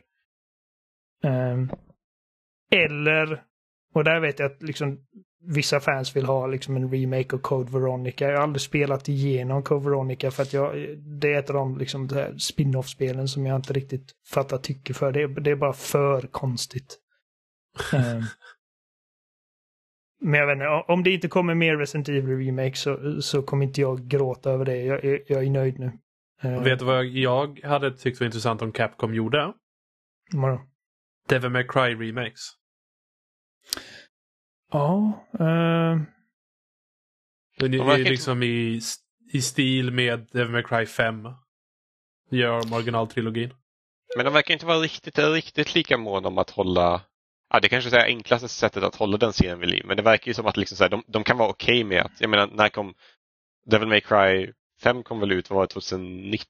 Och de har väl inte visat ja. några fler liksom, livstecken från den serien egentligen. Så nej, det, känns det var det bäst säljande spelet i serien också. Så jag, ja, gick, jag vet inte riktigt gick, vad de gör. Det gick rätt bra för Devil May Cry 5 och, och det är därför jag känner mig ganska trygg i att vi kommer få se mer Devil May Cry. Så Devil May Cry 6 lär ju komma vid något tillfälle. Nu vet jag att uh, Itsuno är upptagen med Dragons Dogma 2. Ja, uh, det är Dragons Dogma och så fokuserar de mycket på Street Fighter nu. Men ja, liksom mm. vad de kommer göra i de kommande tre till fem åren är väldigt intressant. Capcom är de mest stabila just nu tycker jag. Och Nintendo såklart. Men de är jävligt stabila. Capcom. Ah. De, de, alltså det är så jävla gött att de är tillbaka i, liksom, i hög form. För att det var ett tag där liksom på alltså, 2010-talet som det verkligen var uff. mm. uh, men alltså Devil May Cry 5 sålde bra. Det var ju bäst säljande spelet i den serien. Men, men det säljer ju inga Resident Evil-siffror. Um, så jag vet inte om, om de är intresserade av att remaka Devil May Cry, men jag tror att oh, ettan hade varit intressant att se en remake på. Jag känner tvåan kan vi lika gärna bara glömma att det existerar, för det är också en sån situation att vad ska man remaka i det spelet? Det är så jävla dåligt att liksom arbetet som hade behövt gå in för att få det värt det hade liksom varit att, ja men det... Men tänk om de gör tvåan fast bra? Spel. Ja, men, liksom, tänk då, är, då är det inte tvåan. Lucia liksom. och hon inte är tråkig. då är det inte tvåan. Och det är det som är grejen, man remakar bara bra spel som folk älskar. Man remakar inte dåliga spel. Även om det är liksom, okej, okay, det makes sense att, att försöka någonting som misslyckades och göra det liksom rätt. Men det är inte så det fungerar liksom. Um, men ettan känner jag liksom för att där, det är många grejer i ettan som bara rent liksom estetiskt och designmässigt och karaktärsmässigt som man hade kunnat uppdatera för att bättre passa in med kontinuiteten de har skapat sen trean. För trean är liksom, alltså, eh, det var där de fick verkligen till, de fick till liksom, uh, ska man säga, den typen av gameplay uh, ordentligt. Allting som har kommit efter det startade med Devil May Cry 3. Så trean känner jag inte behöver en remake egentligen. Det spelas fortfarande jävligt bra och uh, tvåan är som sagt en lost cause, fuck that game. Uh, ettan däremot är liksom ett, det är ett bra spel som definitivt hade kunnat må bra av en uh, modernisering. Men, men jag tror inte att Devil May Cry är inte så stort att, att jag ser det hända. Jag tror att om det är något spel som Capcom-fans vill se en remake av så är det Dino Crisis. Jag har aldrig spelat Dino Crisis. Uh, men det, det är Resident Evil typ... med raptorer. Ja, ja, det är väl det. ja, men det är exakt vad det är. Uh... Det hade kunnat se coolt ut i RE Engine. Jag kommer ihåg att jag tyckte det var riktigt läbbigt för att det var liksom ett survival horror-spel. Uh. Uh, och man var liksom lika så, liksom sårbar och uh, det var lika ont om ammo som i ett Resident Evil-spel. Så det var läbbigt när man hörde en raptor runt hörnet liksom. Jag, jag, vet inte mm. hur liksom, Capcom lägger upp sina beslut. Alltså, jag förstår väl att beslut överlag. Jag förstår väl att remakes liksom känns mer som säkra kassakor på något sätt. Men jag tycker att, alltså, de, jag tycker att de om och om igen bevisar liksom att de är, gör skitbra liksom, nya spelsläpp. Så liksom, om man har slut på uppenbara kandidater liksom så på saker som ska remakas liksom så bara, och man tror på att det finns IPn liksom som folk fortfarande älskar. Liksom. Ja, men för, våga liksom pusha vidare på det. Liksom så här, det liksom så här, om, om vi nu har hypotetiskt sett ett remake Resident Evil Team som inte liksom längre har några remakes att göra. Liksom sätt in två Resident Evil-projekt för vad nu nästa del i det kommer vara. Eller liksom så här någonting. Mm. Mm. Ja, de har ju två Resident Evil team just nu som har i princip arbetat så. Uh, med liksom olika projekt om vartannat. Men liksom, ja, vad, vad, kommer de göra när de får slut på gamla spel? Eller känner att de inte har gamla spel som är värda tiden att göra om? Det, det är en väldigt för, intressant fråga. För det, det, är ju grejen, för nu har de remakat de spelen som folk tittar tillbaka på med liksom med, uh, ska man säga, Eh, Nostalgiglasögon. En viss mån av nostalgi och kärlek liksom. För att alltså, Resident Evil 5 var ju det bäst säljande spelet i den serien när det kom. Men det är ju inget spel som folk tittar tillbaka på nu och säger att liksom det är peak Resident Evil. Mm. Um, och samma med sexan, att det sålde jävligt bra men, men sexan är ingens favorit Resident Evil liksom. För att det är ett sånt spel som de försökte de försökte göra ett spel till alla typer av gamers vilket gjorde liksom att det fanns någonting för alla men ingen liksom kunde verkligen liksom förälska sig i det. Um, och så hittade de tillbaka igen med sjuan då som, som sålde jävligt bra. Um, mm. För vad det var. Men nu, som sagt, nu är ettan remakad, tvåan är remakad, trean är remakad uh, och fyran är remakad. Och uh, liksom femman och sexan har inte den platsen i folks hjärtan. Att jag, jag vet inte fan om de, om de ser det som en självklarhet att göra det. Uh, men å andra sidan så har liksom deras remakes gått så jävla bra för dem att uh, jag vet inte. Vi får se. Ja. Äh, det kommer bli spännande. Får vi se vad de kommer utannonsera härnäst. De har väl sagt att um, vad heter den, uh, Ethan Hunts och familjen Hunts liksom, berättelse, de liksom kommer inte gå längre med den. Utan det liksom är... Ethan Äh. Hunt. Uh, Hette han inte du så? tänker Ethan Winters. Ethan Winters, Äh, gud. Ja, Ethan. Hunt är Mission Impossible. Men, det är eh, sant. Fel franchise. Tänk Resident Evil och Mission Impossible crossover. Det hade varit någonting. eh, Ethan, Ethan Hunt, Hunt hade verkligen liksom, han hade presterat jävligt bra i zombie- äh, zombieapokalypsen. De hade aldrig kommit ifatt honom. Nej. Men, men eh, kan han få sin arm avsågad och typ limma tillbaka den på typ tre Nej, sekunder? det är sant. Det är frågan. Ja, han- han är ingen Humpty Dumpty är han inte. Ja. Nej, men, eh, men, eh, nej, men så de, de, är, de har väl sagt att ja, men vi tittar efter nya, liksom, nästa, nästa nya grej för Resident Evil. Så det kommer inte fortsätta på Winter storylinen. Så eh, tycker jag att det ska bli kul att se vad de gör härnäst för. Det är klart att de jobbar på något. Först så kände jag att okej, det är uppenbart att eh, Ethans dotter är nästa pro- protagonist. Men hon var protagonisten i DLC. Så jag kände liksom att okej, hennes berättelse kanske är berättad nu. Liksom. Mm. Eh, så att, eh, ja, jag köper det. Jag, när det kommer till Resident Evil så är jag inte jätteintresserad av liksom ifall det blir mer remakes eller vilken remake det blir. Utan jag, vill- jag vill se vad nästa mainline-spel har att komma med. Håller med. Eh, ja. Vi får hoppas att uh, Bloober Team gör en bra remake av uh, Silent Hill 2, men de har mycket att bevisa. Ah. För att jag vet inte fan, eh, liksom... Med just Layers of Fear, The Medium var ingen jättehöjdare. Ehm, och Silent Hill 2 är liksom... Alltså, jag- vitt betraktat som ett av tidernas bästa liksom, survival horror-spel. Och inte bara ett av de bästa survival horror-spelen. Liksom, det finns... Jag har sett liksom listor, så här, topp 100 spel någonsin, där det har kommit in på många topp 10. Ja, Mhm. alltså Så att- det, det... Jag är väldigt osäker på vad som kommer hända med det spelet. De, de har haft... De har gjort ganska ambitiösa spel. Eh, så, men de har aldrig liksom klappat helt. Eh, vad hette det science fiction-spelet de gjorde? Jag, har, jag spelade det ett tag. Eh, I alla fall. Redux någonting hette den uppdateringen de gjorde. Och det, och det var liksom coolt visuellt och cool idé men sen liksom genför, genomförandet var tråkig gameplay och helt Observer. horribla stealth. Ja, Observer. Eh, och helt horribla stealth-sektioner och sånt. Jag bara, ah, why? Jag vill tycka om deras spel men det är alltid någonting som är bullshit.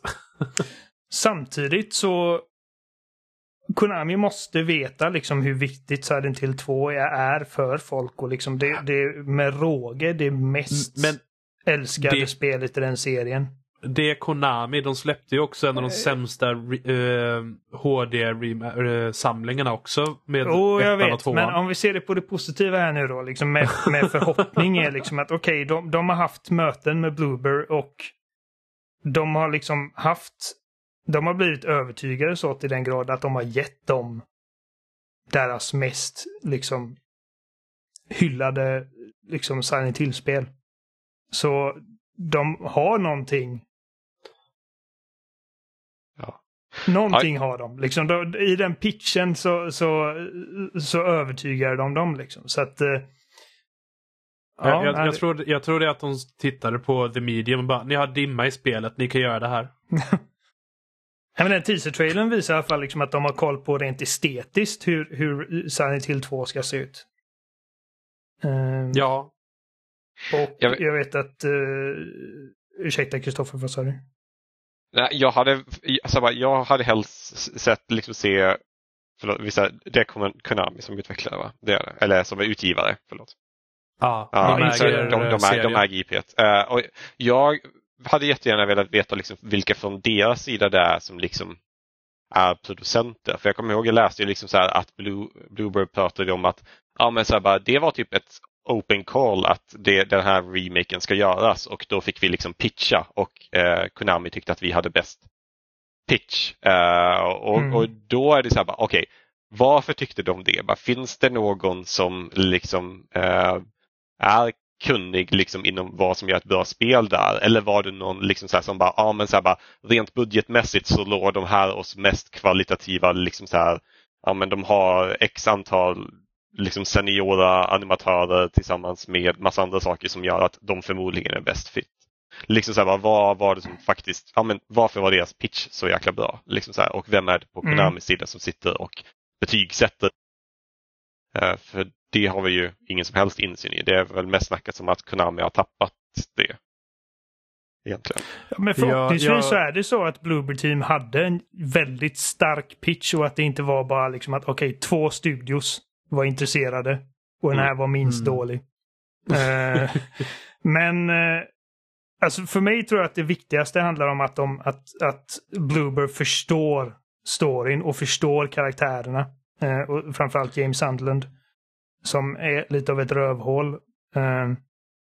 Och för att det är en väldigt mångsidig och djupbottnad berättelse. Alltså becksvart berättelse. Um, så att om de kan lyckas.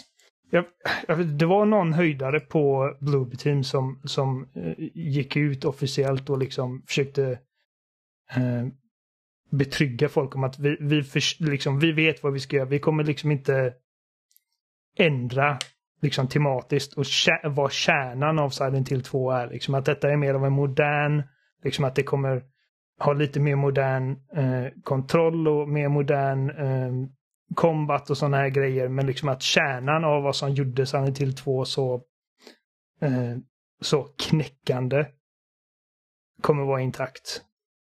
De, eh. de, de skulle ha samma kompositör som originalet va?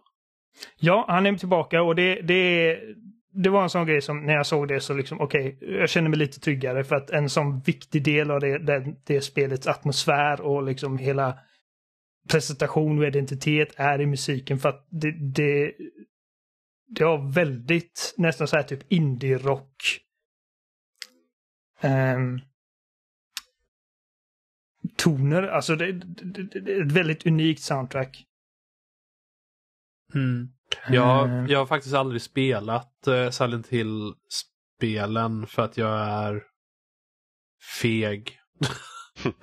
Så det det har aldrig blivit av. Jag spelade PT och jag var livrädd. Ja. Och jag tror att återigen till det här liksom, hade jag föredragit liksom en remake av tvåan eller liksom ett nytt spel och och i det här fallet så känner jag att jag, att jag hellre har tagit en remake av tvåan för att det är det enda Silent Hill-spelet som jag känner liksom har den eh, staying powern och som faktiskt fortfarande lever kvar hos folk. Um, mm.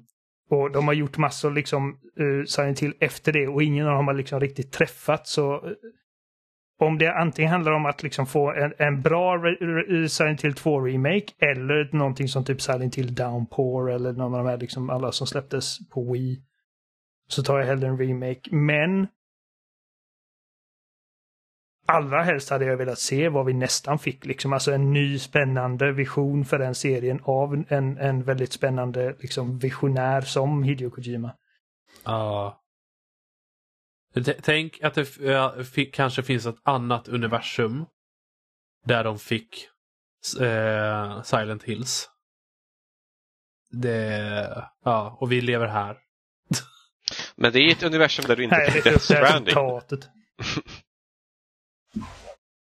Oh, ja, precis. Wow. Men om, om Silent Hills hade släppts och det var liksom så bra som det hade potentialen att vara, det vet man aldrig. Men om det hade blivit det, så hade jag kunnat leva utan Death Stranding ärligt talat.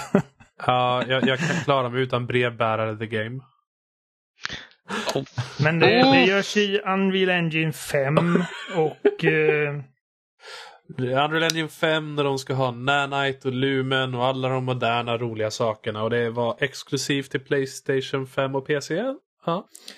Det här är vad, det här är vad han säger och detta är alltså uh, en av marknadsföringscheferna på Bluebird. Vet inte om hans namn kommer fram. det gör det inte. Game Reactor. Mm. Det är bra journalistik hör ni. Uh, men han säger many other studios were vying for op- cooperation as well, but in the end our concept was the one that stole Konami's hearts. Uh, they recognized our commitment and passion for horror, and that alone was an enormous dis- distinction for us. Um, as for apprehension, yes, the pressure is high since we're dealing with one of the best psychological horror games ever made. We want to stick close to the original, and we will put it in the spotlight for years to come. Um, we're focusing on bringing the distinct visceral atmosphere back in the modernized Silent Hill 2. Longtime fans shouldn't worry about us missing the point while we're livening up the title. We faithfully stick to the traditional story canon while remaking the gameplay and updating the graphics from the ground up. These are the reasons why Konami entrusted us with the remake in the first place. Så det är en sån grej liksom att eh, bara det att de eh, vad är ett bra svenskt ord för acknowledge? Eh, Erkänna. erkänner. Mm. Att det finns liksom en oro bland fansen liksom att en remake av det här spelet skulle liksom missa poängen. Men liksom att de ändå, okej, men vi, vi, vi känner att vi har bra koll på, det, på källmaterialet liksom. Så det är ganska, det är ganska skönt. Undrar hur det blir med Night at the Old Republic och Splinter Cell-remakesen. Eh, Uh, Splinter Cell lär bli trash. Knights of the Republic har jag ingen aning vad det kan bli för något. Uh, jag fattar fortfarande inte att Asper satsar på att göra en remake av Knights of the Republic med tanke på att de gör några av de lataste portarna av Star Wars-spel som funnits. ja. Men ja, Jag, jag hoppas att det blir någonting för att det, det är också ett spel som jag känner hade, hade kunnat skina väldigt starkt i en modern tappning.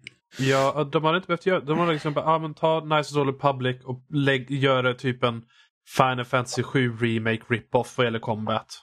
Liksom, problem solved. Det var, ja. Mm. Ja, nej, den känns som att den Ja, ja. vi Eh, kanske aldrig får se det igen. nej, det, det är inte omöjligt. ju... Vilken studio är det som arbetar på det nu? Det var ju en som tog över för att... ehm, vi, vi, vilka var utgivare? Det var, eller var det Embracer som är, äger och sköter hela eller?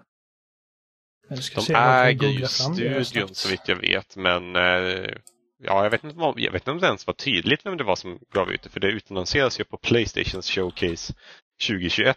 Eh, Ja, f- Sony är ju med. Uh, Saber Ja, men det- Interactive är Saber. det som arbetar på det nu.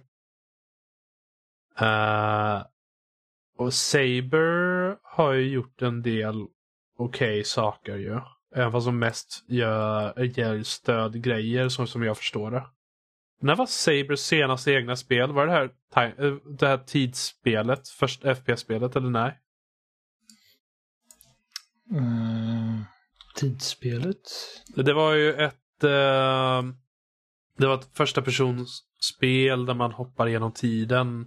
Man hade ett eh, gult visir. Det var till Xbox 360, Playstation 3. pratar om Uh, fast det Haze. kanske inte var samma. Ja, nej, nej, nej, nej, nej. Haze var ett annat. Uh, Time Shift. Time Shift hette det. 2007. Ja, jag tror de måste ha gjort någonting eget sedan dess. Alltså de jobbar på Halo Combat Evolved Anniversary. Um, Inversion. Även Master Chief Collection. Uh, Shaq Fu, A Legend Reborn, tydligen. World War C. Ja, just det.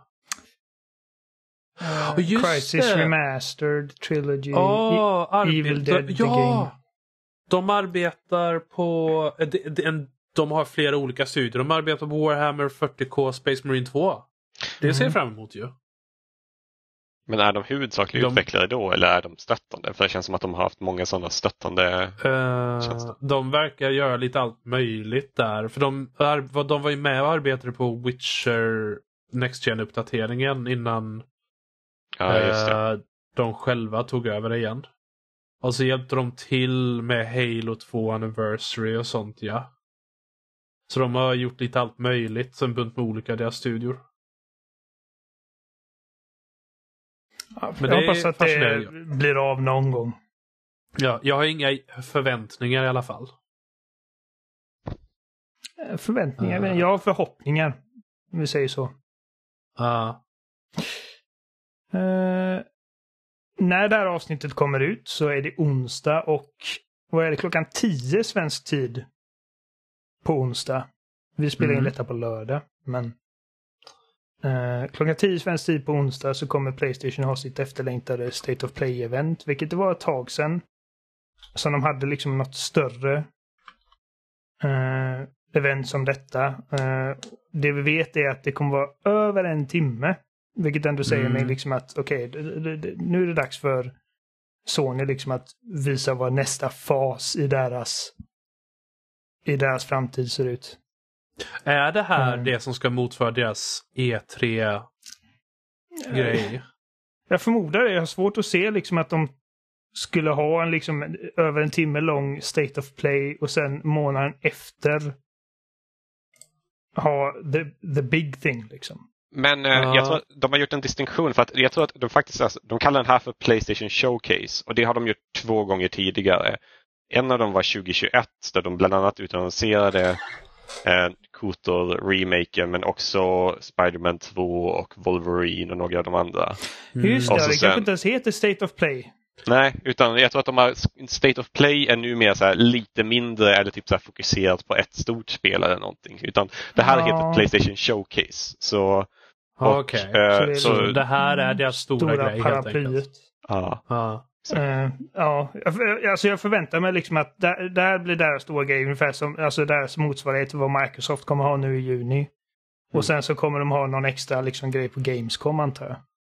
Mm. Eh, men, eh, men skitsamma, alltså, allting tyder i alla fall på att det blir mycket spännande spelnyheter. Att detta är liksom ingen så här liten grej de kommer göra. Nej, det ska bli mycket. Ehm, Ja, nej, nej men jag, jag tror inte det. Liksom, eh, alltså, över en timme då, då, då får man fucka upp jävligt hårt ifall det ska vara liksom en, en liten grej. Um, Okej, alltså den uppenbara grejen är att vi, kommer, vi, visst kommer vi få se Spider-Man 2 i rörelse. De har ju inte sagt någonting om att det kommer försenas. Eh, Nej. Jag tror att Insomniac sa, be- be- bekräftade det för några månader sedan så antagligen kommer de att visa det nu. All, allting, allting tyder på att de är on track med Spider-Man. Vi har sett, eh, är det en eller två teaser-trailers? En. De släppte en teaser för Spider-Man och Wolverine samtidigt. Just det, de släppte Wolverine först. Så alla trodde Mm. att åh nej, nu kommer, liksom, detta är deras nästa spel. Vi kommer liksom inte få se Spider-Man på typ tio år. Och så visar de... Alltså, jag, jag, jag har listat ut varför de heter Insomniac. De sover aldrig.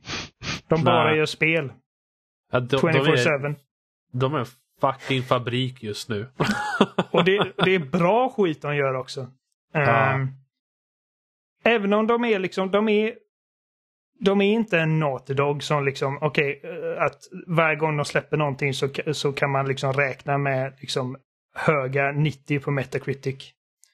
Eh, de ligger liksom mer runt 8, vilket är alltså alldeles utmärkt att ha liksom som en baseline. Eh, men det hade varit jävligt nice om Spider-Man blir liksom deras första liksom, alltså critically acclaimed verkligen, alltså de släpper, du vet, när, när typ en grej som typ eh, Last of Us eller God of War släpps så släpper de sådana här promotional images med alla tior de får, du vet. Mm, mm, mm. Det hade varit nice om Spider-Man var deras första sån liksom, okej här är liksom 50 tior. Mm. Jag, vet, jag, jag hoppas bara på att de Eh. faktiskt kan ha någon, ska man säga, signifikant, alltså så här, någon typ av innovation. För det är så här, när jag tänker på liksom så här, ja men vad, vad kan du göra liksom så här med, jag menar om du behåller samma koncept, att du är samma hjälte. För att det är ju fortfarande så här, folk vill ju fortfarande kunna liksom svinga sig runt och liksom så här bara göra liksom massa Precis. akrobatik. Och så Det så här, bara, kan man jag- svinga sig snabbare? Vem, alltså, är det någonting Nej, det, det om jag mycket? hade velat ha är att staden känns mer dynamisk och levande. Uh, för att, Exakt. för att sid, siduppdragen och sånt var ganska stela och uh, traditionellt open worldiga på Mm. sitt sätt. Så det blir ganska mycket same same uh, även typ 20 timmar in i spelet. Jag är glad att du tog upp detta Kristoffer, för att jag tänkte precis leda oss in dit ändå, så vi är på samma våglängd här nu.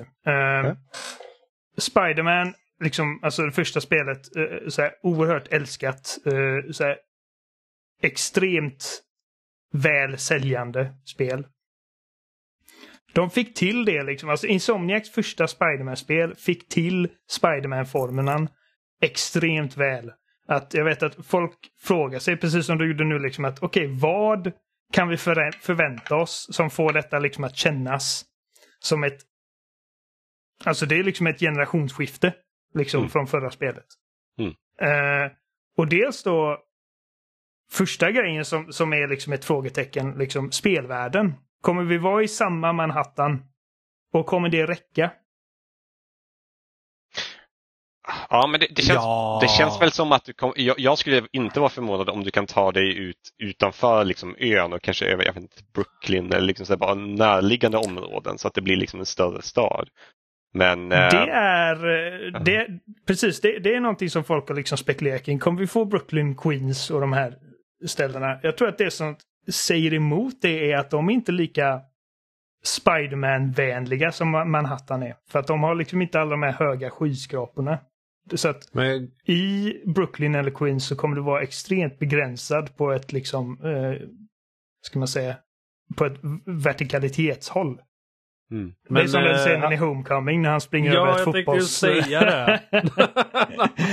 Bara, this sucks! Hon måste springa. uh, ja, alltså, när det kommer till världen så för mig jag förväntar mig att vi kommer att få ha samma baseline Manhattan och att de förändringar vi kommer se är likvärdiga med de förändringar vi såg liksom till Miles Morales. Liksom att okej, okay, nu, är det, nu är det jul och det är massa Christmas decorations och det är liksom en annan vibe till stan. Men liksom att geometrin är samma för att jag ser jag ser ingen större mening liksom med att bygga om Manhattan bara för sakens skull. För att liksom om Spiderman 2 släpps och så säger de liksom en vecka senare, ja men liksom vi slängde ut Manhattan från förra spelet och bara gjorde om det helt från början igen. Jag hade inte märkt det. Liksom, alltså jag, jag, jag tänker inte på allting som är under mig när jag svingar mig mellan de här byggnaderna. Nej.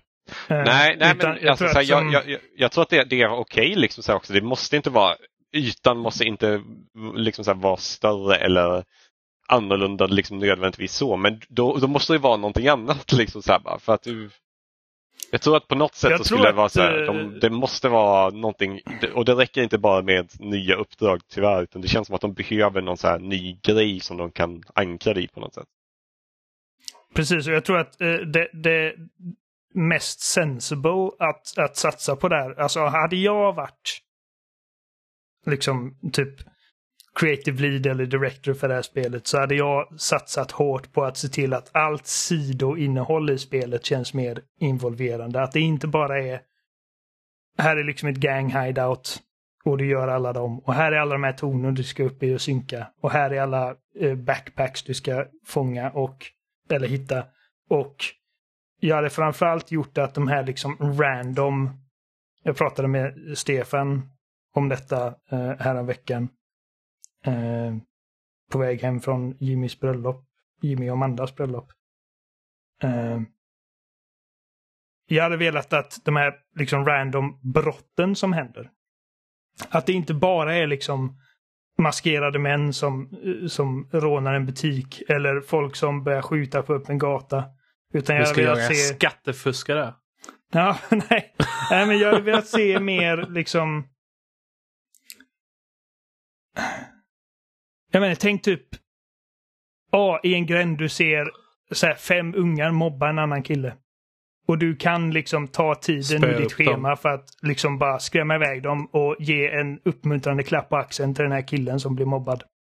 För att det är Spiderman för mig. Liksom. Alltså det, det, det är det som gör förutom bara att han har coola krafter och att han har typ världens mest ikoniska Superman-dräkt eh, tillsammans med Superman och Batman. Eh, är liksom att Peter Parker, det som det som driver Batman är att han ska stoppa brott. Han vill liksom att ingen ska liksom eh, behöva gå igenom det som jag gick igenom när jag förlorade mina föräldrar. Han hatar liksom brottslingar och brott.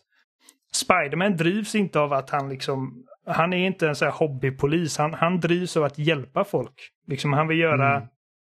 sitt, sin lilla, liksom, sitt lilla hörn av världen till en ljusare, mer optimistisk och mer hoppfull plats. Och det är därför han tar liksom, han, han jagar inte bara rånare utan han, han eh, hjälper folk som, eh, som, som inte har någon annan eller han, han hjälper liksom tanter över gatan. Han eh, plockar ner katter ur träd. Liksom. Den, här, alltså, den typen av innehåll hade jag velat se mer av. Liksom, eh, mer organiskt i världen. De kan ju ha det här eh, uppdraget från Spiderman 2 till Playstation när man eh, jagar ungars ballonger. Ballongerna. Men precis.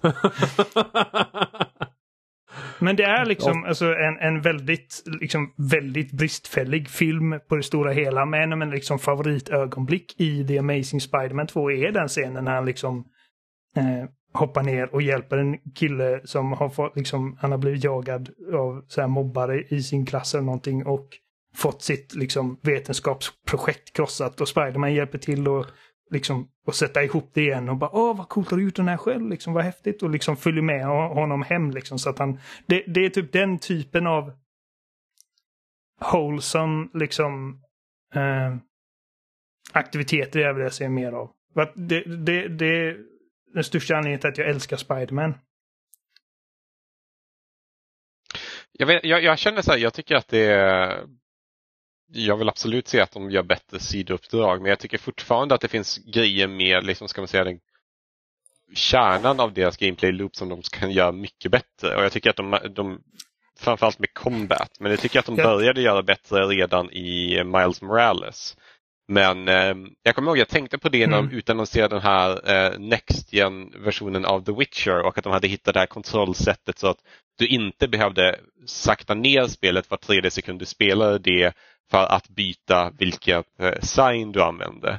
Eh, det spelet har ju mm. Spiderman liksom big time. Varenda gång du vill byta mellan dina olika gadgets så måste du liksom så sakta ner. Och liksom så här, om du byter mellan många olika grejer så kan det vara så här, ja, men du gör det tio gånger på en fiende encounter. Det, det är ju inte det roligaste. Liksom så här. Så hade, om de hade kunnat hitta bättre, mer eleganta lösningar på sånt så det hade jag gärna sett. Och jag, jag tror att, att de ska stora... mer än en låt när man svingar också. Eh, det är ett bra tema men, men man hör det jävligt mycket genom spelets gång. Ja, till slut vill man bara gå på, äh, springa runt så man slipper höra musiken. En grej jag diggar med, med Miles Morales är att han har liksom, hans musik är lite mer så här hip, hiphoppig. Mm. Mm. Men, men den stora spelmässiga liksom hooken till det här spelet, jag tror att det, det är vad symbiotet är till för. Ja, Mm. Du tror att man kommer att ehm. spela som Venom eller du tror att man kommer att spela Black Suit Nej. Spidey? Jag tror att uh, Peter Parker kommer bli infekterad av, av den här dräkten. Eller det här symbiotet. Och han kommer förändras och... Um, alltså som sagt, jag har ingen som helst... Detta är bara ren spekulation. Men min liksom magkänsla säger mig att... För vi vet att vi har två Spiderman nu. Jag tror inte att det kommer vara en sån här GTA-grej liksom där du bara eh, switchar mellan Peter och Miles eh, hur som haver. Utan jag tror att Peter kommer vara liksom protagonisten, den du spelar från början. Och Miles kommer dyka upp under uppdragen och de kanske kommer ha eh, typ som i Arkham Knight, liksom att vissa uppdrag så har du Nightwing med dig och du kan göra så här typ uh, dual takedowns och det blir coolt. Uh, men alltså, jag tror jag bara får känslan av att eftersom att vi vet att Venom är med och eftersom att vi baserat på ettan eh, kan dra slutsatsen att det är Harry som som är Venom i det här spelet. Vilket jag tycker är en jättebra idé. Att istället för att ha Flash som bara är liksom typ en rivalfotograf så är det någon som Peter redan älskar och bryr sig om. Ja, alltså Eh. innan de visade teaser-trailern så tänkte jag liksom att ah, de kommer med Venom fast man kunde spela som Miles som, och det är Peter som övertagen men det antyds ju inte i den teaser-trailern de har släppt. Nej, precis. Jag jag Mm. tror att det blir liksom att du spelar Peter och någon gång genom spelets gång så blir du infekterad av den här symbioten och det här kommer liksom vara, för jag tror inte det är Miles som kommer liksom bli infekterad av den. Jag tror att det är Peter för att det är liksom, det är hans liksom ikoniska moraliska fall. Ja. Och jag tror att det är då vi tar över som Miles. Och att det blir Miles jobb då under den här delen av spelet att liksom få tillbaka honom. Mm. Eh, och sen i slutändan så är man tillbaka till Peter och man liksom typ överkommer allting. Men, men som sagt, det är bara min dumma magkänsla. Jag kan ha helt fel.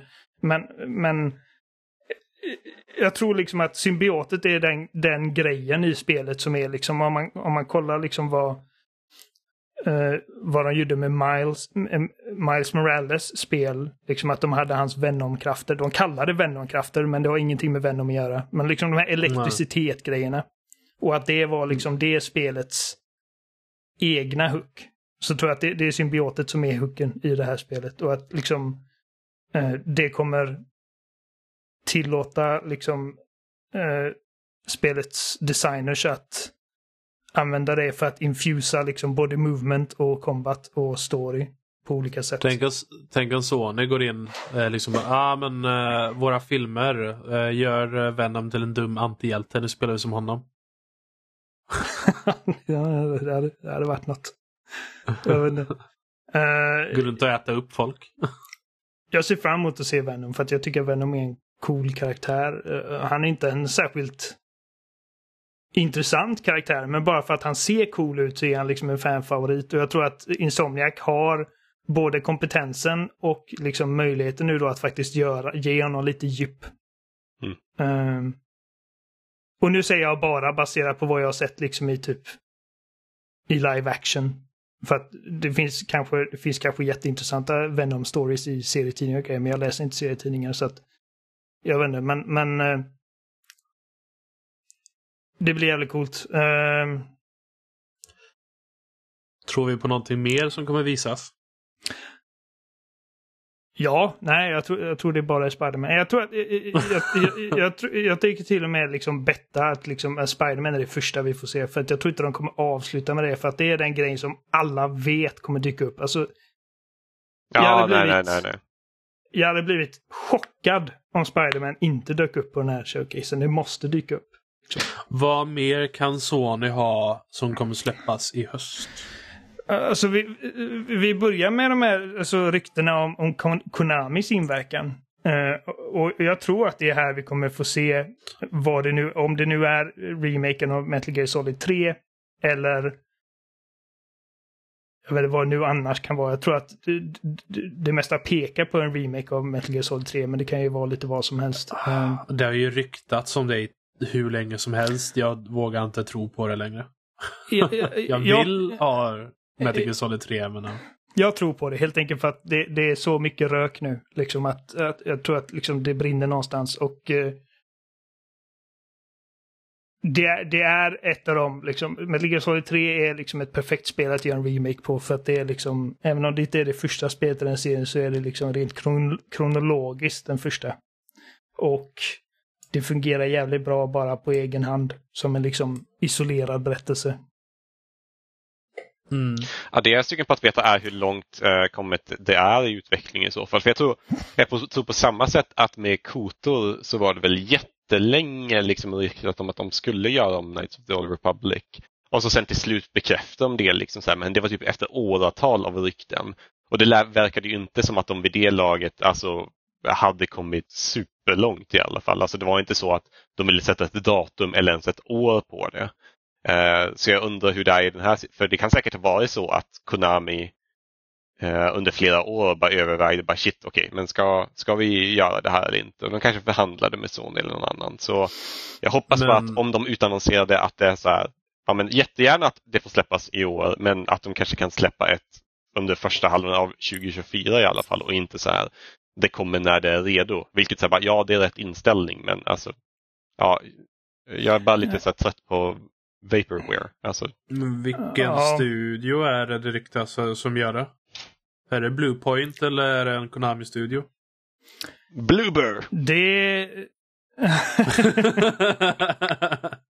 det, det vet jag faktiskt inte ifall det, om det finns några liksom konkreta rykten. ehm, För vad håller Bluepoint på? eh, Höll de på med en egen IP eller höll de på med någonting annat nu? Det ryktades väl mycket om det och typ mm, både det och eh, eller var jag tror att till och med Metal Gear Solid 1 var ryktes ett tag. Men eh, och så är det väl alltid snack om Bloodborne men det tror jag kanske mer är av messageboard som är sugna på någonting. Det kan vara lite önsketänk tror jag. Men, men det är också en grej. E- Eftersom att, eftersom att de nu har gjort Demon Souls. Så känner jag att på grund av det så är jag mer liksom benägen att, att tro att det är rimligt än, än vad jag var innan de gjorde det. Ehm, det kan också vara liksom bara en, en ska man säga, en, en upphottning av Bloodborne. För att liksom det, det är också en sån grej. Antingen om det är Bloodborne 2 eller en remake av Bloodborne eller en bara modern eh, liksom remaster av Bloodborne. Så alla de grejerna har liksom ryktats från och eh, fram och tillbaka väldigt länge. Uh, och på grund av det så känner jag att det är rimligt. Det är inte helt omöjligt liksom. Mm. Ehm, Men ja, när det kommer till eh, Metal Gear-studion så är det jäkligt oklart faktiskt. Jag undrar vem de har tagit. Alltså det kan, ja. Hur många porting-studios finns det? Det finns säkert många men det är ju ett stort projekt. Särskilt om det är en liksom, remake, vilket är- i fallet Metal Gear Solid 3 måste det ju vara. Jag menar det spelet är ju ganska gammalt vid det här laget. Och jag är nyfiken också på vilken motor och sånt de skulle använda. Om de skulle använda Fox Engine eller något annat eller så. de äger ju Fox Engine. Ja, men om vi Eh. säger att det skulle vara... Låt oss säga att det är ett samarbete mellan Sony och Konami. Och de skulle, skulle de använda Fox Engine skulle de använda Unreal Engine eller något sånt. Det hade varit lättare för dem att använda Fox Engine med tanke på hur mycket tid de spenderar på att utveckla skiten för Metal Gear Solid. Ja, för, för då, då blir det också att de får, okej nu får vi använda den här till någonting. För att jag vet inte hur mycket pengar de måste ha lagt på att bara utveckla den motorn. Och de kanske vill ha liksom Ja. någon form av return på det. Ehm, Ja. För det enda de har använt det till annars är väl typ deras horribla fotbollsspel. Ja, de har väl alltså essentiellt stängt ner all AAA-utveckling som inte är Pro Evolution Soccer. Så ja, nej, det skulle ju vara jättetrevligt att få och, se den Och har igen. de ens ingenjörer kvar eh, hos Konami? Som kan arbeta på motorn och. Ja, det, det är fascinerande. Eh, en grej som den 17 maj så skrev Andrew Robinson som är tidigare writer på Playtonic som gjorde Yooka-Laylee men nu äger VGC. Mm. Eh, som är en sån här liksom, vad man kallar en insider. Och han sa I hope Playstation fans are geared up for this med stort G. Och där får folk då liksom att okej, han sitter på någon, någon information. Eh, och Sony liksom, har köpt Gears of War. men, men som sagt, det är också liksom, alltså det kan ju vara, vara grepp efter halmstrå. Men det är, liksom, det är bara en lång rad av, av liksom folk som säger sig ha information om detta. Att jag känner liksom att även om det, även om det inte visas upp någonting nu på onsdag Mm. så jag, jag, jag känner ändå att liksom, det är görningen. Särskilt nu i det här klimatet där remakes är så jävla hett. För det är liksom Ja, ett lätt men- sätt för Konami att liksom komma tillbaka till liksom så här AAA game development och få liksom ändå relativt låg risk high. Ja, Eh. det, det som är problemet är liksom var de sätter ribban och ambitionen för den remaken och hur troget de kan ha. För hur lätt är det att göra remake på ett sånt spel med så mycket legacy också utan att ha originalskaparen ombord? Ja, För- lättare än vad det är att göra ett helt nytt originellt Metal Gear Solid utan originalskaparen ombord. Jo, men liksom kan de fånga charmen? liksom. För liksom, kommer det vara, liksom, kommer de göra det typ som Metal Gear Solid 5? Jag, jag, jag, jag är liksom nyfiken på hur de lägger ribban. Uh, liksom, eller kommer det vara typ de här små Playstation 2-områdena fast med snygg grafik? Eh, Nej, jag hoppas att det blir mer som ungefär vad vi har sett med eh, Resident Evil 4 i så fall. Liksom att de har expanderat det. Och Mm. reworkat det på olika sätt. Men att liksom kärnan och liksom, ska man säga, ja, som vi har pratat om redan. ja, kommer, Ja. kommer jag kunna dra upp eh, medicinmenyn och snurra tills jag kräks? ja, men, ja, det, det är sådana grejer som ifall, ifall de detaljerna inte finns där så kommer fansen märka det alltså direkt. Ja. Eh, Kommer halva skärmen bli mörkare när eh, man förlorar ögat? Precis. Kommer man kunna kisa the end genom att stänga av och, eh, och spola fram klockan en vecka? Går det ens att göra allting kopplat till internet nu på konsolerna? Jag vet inte. Men det är en sån grej som jag känner liksom att det behöver liksom vara, i en remake så behöver det finnas där. Liksom. Och, och, Ja. hur, de nu, hur de nu löser det, det vet jag inte. Men... Ja, men nej, det det, kän- Det känns som att de har, de har liksom Resident Evil remakesen, de har Dead Space remaken och de, det finns så himla många remakes som har gjorts bra nu på senaste tiden och att de också har liksom egen teknik i Fox Engine. Liksom så här, det känns som att för att de ska kunna göra någonting bra, alltså det kunde inte vara så mycket bättre ärligt talat. Um, så ja, det kan jag tycka att de ska kunna lösa. Ja, ja det, det är just det liksom att det, det är väldigt höga förväntningar så jag hoppas verkligen det blir bra. Men ja, Konami är Konami hur som Nå- helst, det sägs liksom, alltså jag vet att... eh, ja, Ja, Kristoffer, säg du.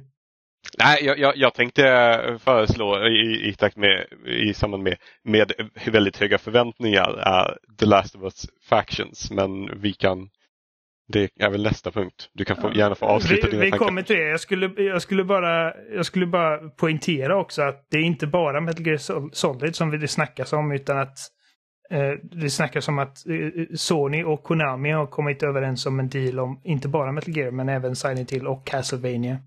Och vi vet ju att det, jag tror att till och med att Konami har bekräftat att förutom Silent Hill 2 så är det mer Silent Hill under utveckling. Men Castlevania tror inte vi har hört någonting konkret om. Nej. Och då, jag känner att Castlevania är en sån spelserie som är ripe för liksom ett stort AAA liksom actionrollspel i stil med typ Bloodborne. För Bloodborne var verkligen, okej, det- alltså det känns lite Castlevania detta. Ja, alltså Bloodborne eller typ God of War-aktigt. God of War 2018-aktigt hade passat serien skulle jag säga. Mm. Absolut. Ja, men jag, jag, jag, jag tror att det, Castlevania kan, tror jag, ha, det är rätt i tiden för dem att återvända med någonting riktigt stort. Men då känner jag också liksom att det kan inte bara vara liksom ett nytt i leden av de här liksom 2D Nintendo DS-spelen som kom. Liksom. Eh, utan det måste vara liksom någonting, av stora trumman liksom. Mm. Ehm, ja, nej men det ska bli spännande för att eh, Konami sitter på en del eh, liksom väldigt älskade varumärken. Det är bara liksom att Konami är Konami. Eh, men liksom någonting som Metal Gear Solid 3 hade passat jävligt fint in eftersom att det är liksom, det snackas om exklusivitet för Playstation. Så hade eh, någonting som Metal Gear Solid 3 passat jävligt fint in liksom till julhandeln. eh, Mm. För Mm. Sony. Tror- Ehm, Mm. Ja. Jag tänkte bara, för, tror ni vi kommer få se någon uppföljare till något spel som till exempel Ghost of Tsushima eller liknande? Även om det inte släpps i höst, kanske en teaser eller något sånt?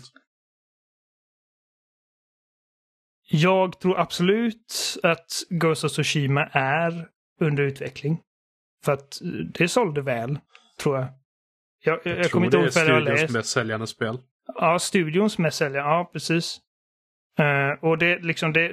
det fick liksom generellt väldigt, väldigt fina recensioner och fansen är väldigt hårt, särskilt liksom då i, i kontrast med Last of Us 2 som kom samma år och att det var många fans som skrek om att Ghost of Tsushima är så mycket bättre, varför, varför får inte det samma höga betyg? Så, Ungefär nästan 10 miljoner exemplar sålde Ghost of Tsushima. ja, det är, inte, det är inte dåligt för ett liksom, nytt varumärke. Så att, eh, det tror jag absolut är på väg. Sen om det faktiskt visas upp den här gången, jag känner att det är 50-50 lite. Ehm, Det känns inte som att det liksom kommer att de vara något har- gameplaymässigt då, utan då är det väl något liksom lite mer pre-rendered. Eller typ så här, här är en logga där ni får se tvåan i, den här, i det här typsnittet som ni nu känner till. Ja, men tänk, eh, tänk som eh, första vi såg av Wolverine eller Spiderman eller typ Last of Us 2 liksom som bara var en cinematic. Och Ja. liksom typ ett, en bekräftelse om att det är under utveckling. Det, det kan jag tänka mig kan, kan visas. Eh, Som sagt, jag är inte övertygad om, om det är nu på onsdag, men, men jag är helt säker på att liksom, det blir av. Förr eller Det sista, jag, det sista jag tänkte också liksom, de har ju sagt att de ska visa upp bland annat kommande Playstation VR-spel. Och eh, Ja. Oliver, vad hoppas du som Playstation VR-ägare Ja, ska men- visa som inte är Half-Life? Ah, Okej, då vet jag inte. Eh, alltså, eh, jag har inga specifika förhoppningar. Jag bara hoppas att det finns någonting där som visar på Sonys fortsatta liksom, stöd och förtroende för maskinen och att de liksom inte bara har gett upp för att de är missnöjda med liksom, den initiala försäljningen under lågkonjunkturen. Jag, jag Eh. vill att de ska sänka priset så jag kan köpa en. Ja. Nej, alltså jag, jag är lite orolig för PSVR 2 för att eh, som sagt det är liksom the big three för dem som, som de har liksom satsat all marknadsföring på. Eller ja, den lilla marknadsföring de har gjort för PSVR 2. Så är det ju Horizon, ehm, Call of the Mountain och det är Resident Evil 8 och det är Gran Turismo. Två av dem är gamla spel som har patchats och ett av dem är liksom nytt, en liksom egen dedikerad VR2-satsning. Mm. Och förutom Call of the Mountain som jag känner, alltså det, det, det, var inte tillräckligt. Ehm, jag har inte ens tagit mig igenom det. Jag tror inte jag kommer klara det spelet. För att liksom, av alla VR-spel jag spelat på PSVR 2 så är det det jag tycker minst om. Ehm, Mm. så att liksom, som sagt, jag har ingen specifik, jag kan inte säga att oh, jag hoppas jag får se typ Resistance eller Killzone. Eller liksom, jag vill se någonting som, De kommer ju säkert visa uh, Resident Evil 4 VR-läget kan jag tänka mig. det, ja, Ja, det skulle det kan jag tänka mig, absolut. Ehm, för att alltså de, de har typ, de har Capcom mycket att tacka för att liksom deras VR ens liksom är relevant. Capcom säljer de där headseten åt dem. Ja. Men som sagt, någonting, liksom, oavsett vad det är, så någonting som, som liksom betryggar PSVR 2-ägare om att Sony inte har övergett den liksom direkt. Att, liksom, att de fortsätter satsa på den.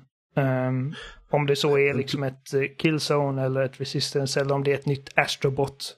Uh, whatever. De, de släpper VR-läge till The Last of Us 2 där man brutalt kan mörda folk eh, groteska sätt så alla spelare får mardrömmar. Mm. Du, eh, med haptics så kan du känna liksom hur pal- uh, Ja. halspulsådern liksom sprutar dig i ansiktet när du skär Man, man halsen. stryper dem och bara känner i kontrollen där- hur de slutar leva och Ja, andas. hur liksom livet bara, glider ur. immersion. Men de måste, alltså, de måste ju visa något storspel. Alltså liksom så här, det måste ju finnas någonting, alltså helst som kommer, något stort som kommer i år och att de visar någonting som kommer ut nästa år. Liksom så här, bara, hej, här är ett dedikerat spel. Eller åtminstone så bara ett riktigt maffigt dedikerat spelläge i något annat storspel som de har på gång. Liksom. För att det känns som att, Ja. alltså, ja, det, De kan, jag fattar kan inte hur man kan lämna någonting så liksom, så här, bara dead on arrival. Liksom, så här, bara, ja, jo, vi hade liksom ett par olika titlar liksom, så här, och sen har vi liksom ja, släppt det Men det är, det är så ni, de har gjort med sina icke-huvudkonsoler. De gjorde samma sak med Playstation Vita, de gjorde samma sak med VR1 Mm. och Playstation Portable också. De hade bara tur skulle jag säga att Playstation Portable blev extremt populärt med i sina egna GTA-spel och Monster Hunter i Japan. Ja, och Ja. då är det inte ens deras egna satsningar som tog dem dit. Och, och de det- kan, med denna så kan de inte förlita sig på att tredjepart gör liksom, ja, vi får ett nytt jobbsimulator och hoppas att det är Kira Biffen. Eh, VR-spel är för dyra och komplexa om man ska göra någonting avancerat. Ja. Jo, men precis. Ehm. nej, så, så som sagt, bara ett, ett löst, en lös förhoppning om att liksom, att, eh, liksom, att, att de har någon satsning på gång. är vad jag hoppas på. Eh, Mm. Men Kristoffer igen då, du, du, tog, eh, du nämnde Last of Us Factions. Det känns som att eh, det är liksom hög tid för, för, för dem att visa upp det nu. Eh, de har ju snackat väldigt mycket, liksom Sony och Jim Ryan, om att de, de vill satsa på live service-titlar, alltså titlar då som folk återkommer till. Och jag tror att Last of Us Factions kan vara en väldigt bra startskott för det. Um, och jag tror att om det är någonting de behöver bevisa med detta är liksom att detta inte bara är liksom en billig eh, kapitalisering på ett populärt varumärke nu med liksom när serien är het utan att det faktiskt är liksom detta. Detta är ett true and tested liksom Naughty Dog-spel som bara råkar vara ett multiplayer-spel också. Jag kan tänka mig att de kommer göra en form av... Min, min, jag tänker att det är någon form av Tarkov-tolkning av The Last of Us. Mm. Ja, men jag, jag föreställer mig också liksom stora öppna banor med survival-element. Ehm, jag tycker att alltså factions multiplayern i, i originalet var riktigt jävla bra. Vilket, alltså, det hade jag aldrig förväntat mig på första, eller från första början. Det var Eh, ganska kul att springa in och smocka folk med plankor. Ja, ja men det, det, var, det var liksom ett, det, det var inte bara ett liksom hjärndött deathmatch-läge som någon har liksom släppat på i sista sekund för att liksom ticka den här boxen att ja, det finns multiplayer också. Under en tid då alla spel behövde multiplayer för att liksom för att de skulle känna att det hade en chans att lyckas. Utan de tog liksom Last of Us, liksom eh, tonen och liksom världen och gjorde ett intressant läge där det inte bara handlar om att skjuta ihjäl folk utan också att liksom hantera dina resurser. Eh, och faktiskt spela taktiskt. Så att eh, jag tror jag tror att de, de har det i sig att göra liksom ett ett eh, spännande och väl genomtänkt multiplayer-spel. Frågan är liksom hur, hur mycket högre kommer förväntningarna vara nu när det är liksom en separat titel och är det ett fullprisspel? 100 Är procent det att det är ett någonting som- fullprisspel. Alltså, Jo, jag, jag tror det också. Eh, men jag vet inte, alltså marknaden är, är annorlunda idag också än vad den var förr i tiden. Uh, förr ah, ah, var... det, Eh, ka- Kanske att det skulle kunna komma ut som ett free to play då, men det känns, det Precis. känns inte... Ja, Eh, ja. Det hade varit väldigt ett väldigt liksom annorlunda liksom eh, en annorlunda approach för Sony. Men de är ju också medvetna om vad andra, liksom vi kollar på de absolut populäraste multiplayer-spelen så är Fortnite och Apex och alla de här, och Warzone, de här är gratisspel. Som sen liksom, och, och, och så att de vet ju liksom hur marknaden ser ut. Och så, så frågan är liksom, kommer de våga släppa ett liksom ehm, ett live service multiplayer-spel som de hoppas då kommer ha legs liksom i, i flera år framåt. Om det nu är vad, de, vad det kanske inte är ens liksom att Last of Us är designat för att vara en av de spelen, det vet jag inte men men jag tror också att det här kan vara eftersom att det, om det nu är liksom tänkt att vara den första i deras serie av live service-satsningar så kan jag tänka mig att detta blir det första Last of Us-spelet att liksom släppas på både Playstation och PC dag ett. För det känns som att om du vill att din live service-satsning ska, ska lyckas så du behöver en så stor publik som möjligt. Och nu säljer Playstation 5 bra. De har en bra publik, men, men liksom de hade kunnat nå till en så mycket större man kollar på liksom hur viktiga influencers är idag och content creators. Och hur många av dem som bara spelar PC-spel. Så det- jag skulle inte bli förvånad om eh, Faction släpps på PC dag ett. Det gäller ju bara att de släpper en bättre port än The Last of Us Part 1 Ja, precis. till eh, PC. Jag, vet, jag, Eh. jag, tänker, jag tänker bara på det här att liksom så här, om jag tittar tillbaka till andra extremt populära franchises som tänkte, men vet du vad, vårt spel med mat i multiplayer, då tycker jag ändå att Fallout kändes som att det hade mer naturlig multiplayer-potential om man tittar på den skalan. Och det blev, alltså det blev ju, ja. Ja, det blev ju, alltså det blev ju bajs. Eh, eller det blev ju en riktig jäkla röra i alla fall. Och det är det jag tänker så här, alltså så här, det är ju, de har ju spenderat så jäkla mycket tid nu. Alltså vi har inte fått höra någonting från Naughty Dog sedan de har släppt The Last of Us. Liksom del, okay, del ett kom men det var också lite så här, ja men verket det var lite, lite grann halvt efter konstruktion och de tog ju över efter en annan studio och jada jada. Vi kan anta att de också har något annat spel på ingång.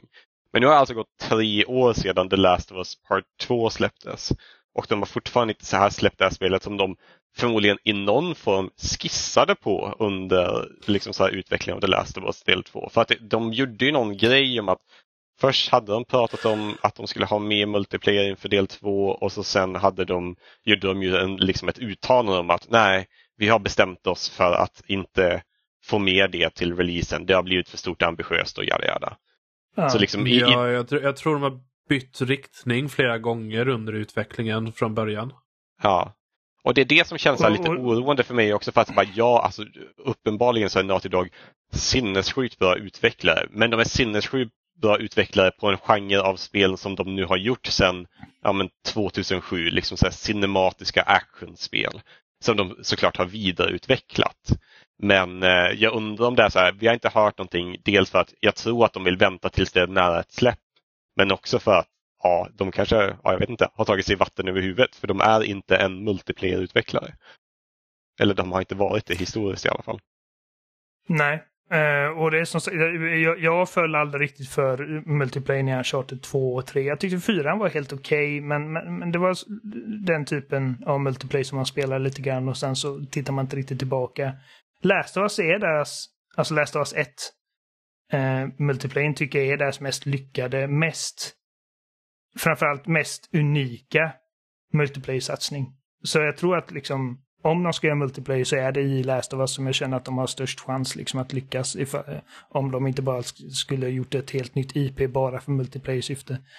Um, ehm, men, men som sagt, jag har också för mig att uh, Factions var tanken från första början att vara en del av Last of Us Part 2, men att de sen uh, ganska nära release sa att det, det inte blir så för att det har liksom blivit för stort och ambitiöst. Och jag hoppas att när de visar det så kommer det här den här ambitionen vara tydlig. Liksom. Ehm, när vi får se det. Att, att vi tittar på det och bara okej, det här är varför det har tagit sån här tid. Liksom. Ja. Ehm, För det känns som att de, de kan hoppas inte att- bara göra allt som alla andra liksom, i marknaden gör heller. Alltså, så bara, det går ju absolut inte att de bara, nu har ni Team Deathmatch, nu kör vi. Och det går inte heller liksom, att de typ skulle göra ett Battle Royale. Eller, ja, bara, ja, kanske att de kan komma undan med ett sånt här extraction-läge som är väldigt populärt nu. Men de måste fortfarande ha de här narrativa delarna liksom, så här, som känns som att det är det som är deras grej lite grann. Eller liksom så här, någonting som känns sanslöst polerat i alla fall. Eh, och det kan de säkert Precis. göra, men det är därför det har tagit sån himla tid. Och, ja, jag skulle inte ens vara säker på att det kommer ut i år fortfarande. hur gifter man liksom en, en, eh, en multiplayer-upplevelse som ska liksom ha um, longevity med där, vad, vad de är bäst på, som du säger.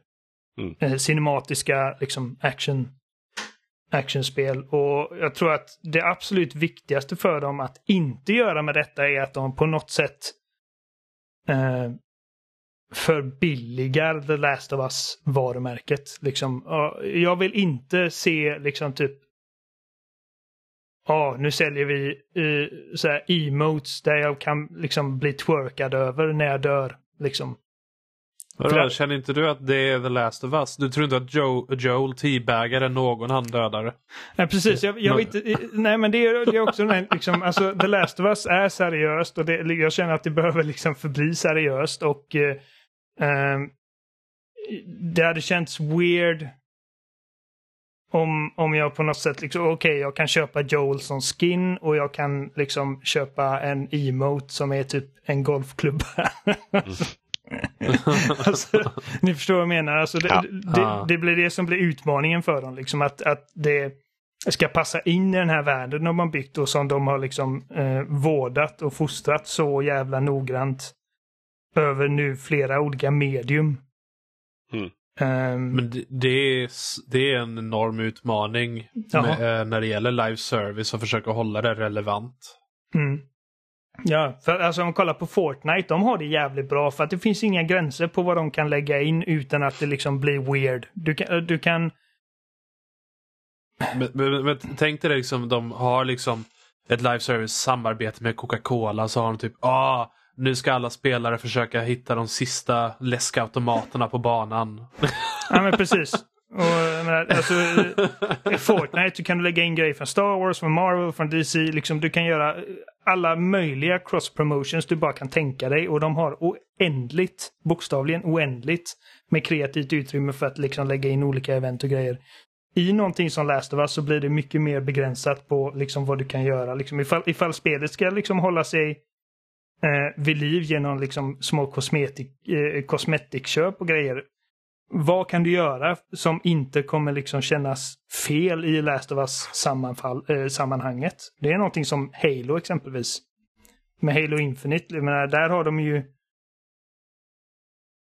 mer utrymme. Liksom, de kan sätta kattöron och grejer på dina Spartans, men i slutändan så måste det ändå vara Spartans. Mm.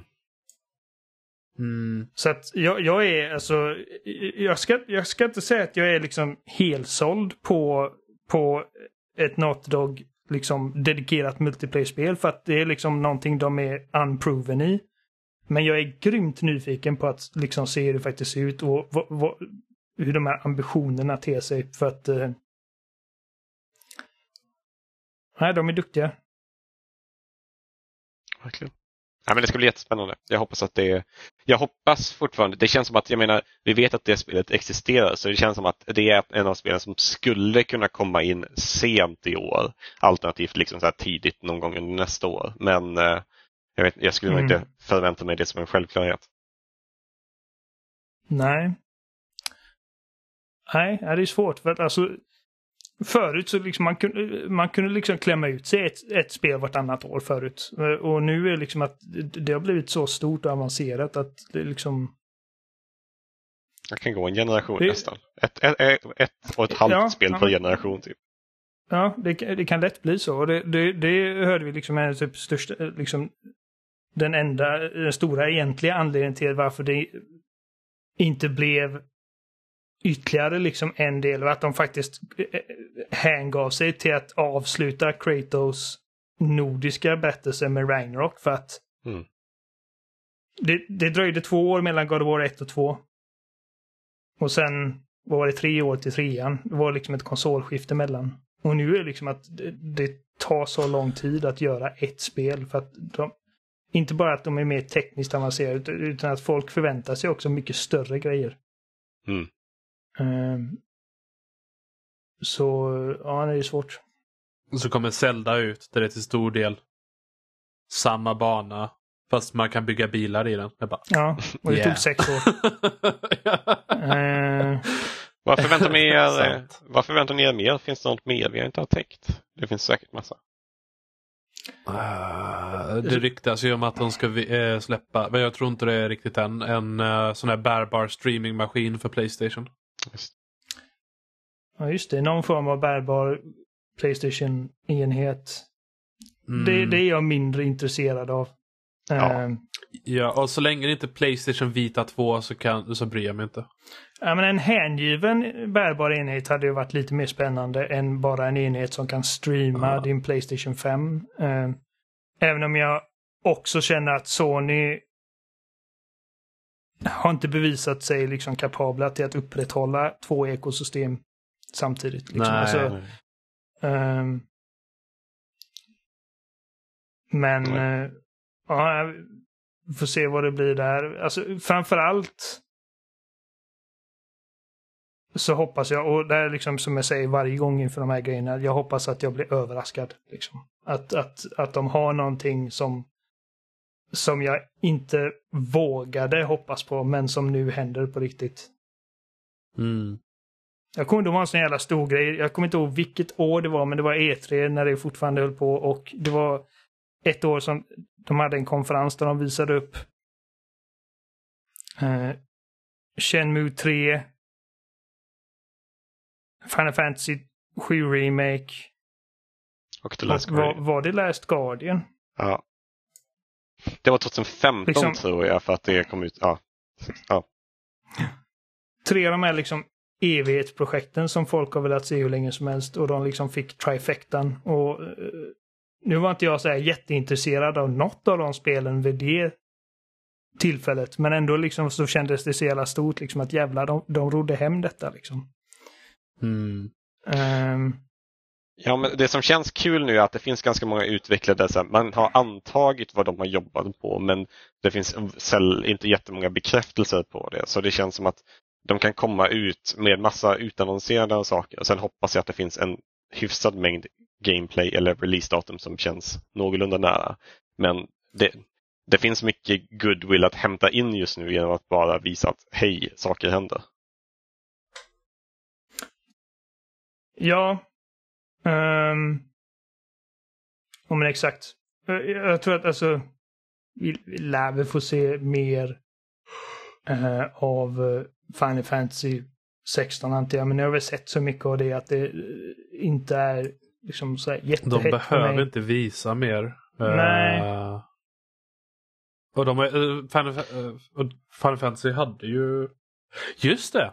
Eh, ko- de kan ju visa Final Fantasy 7 Remake 2 Re bla bla Rebirth. också.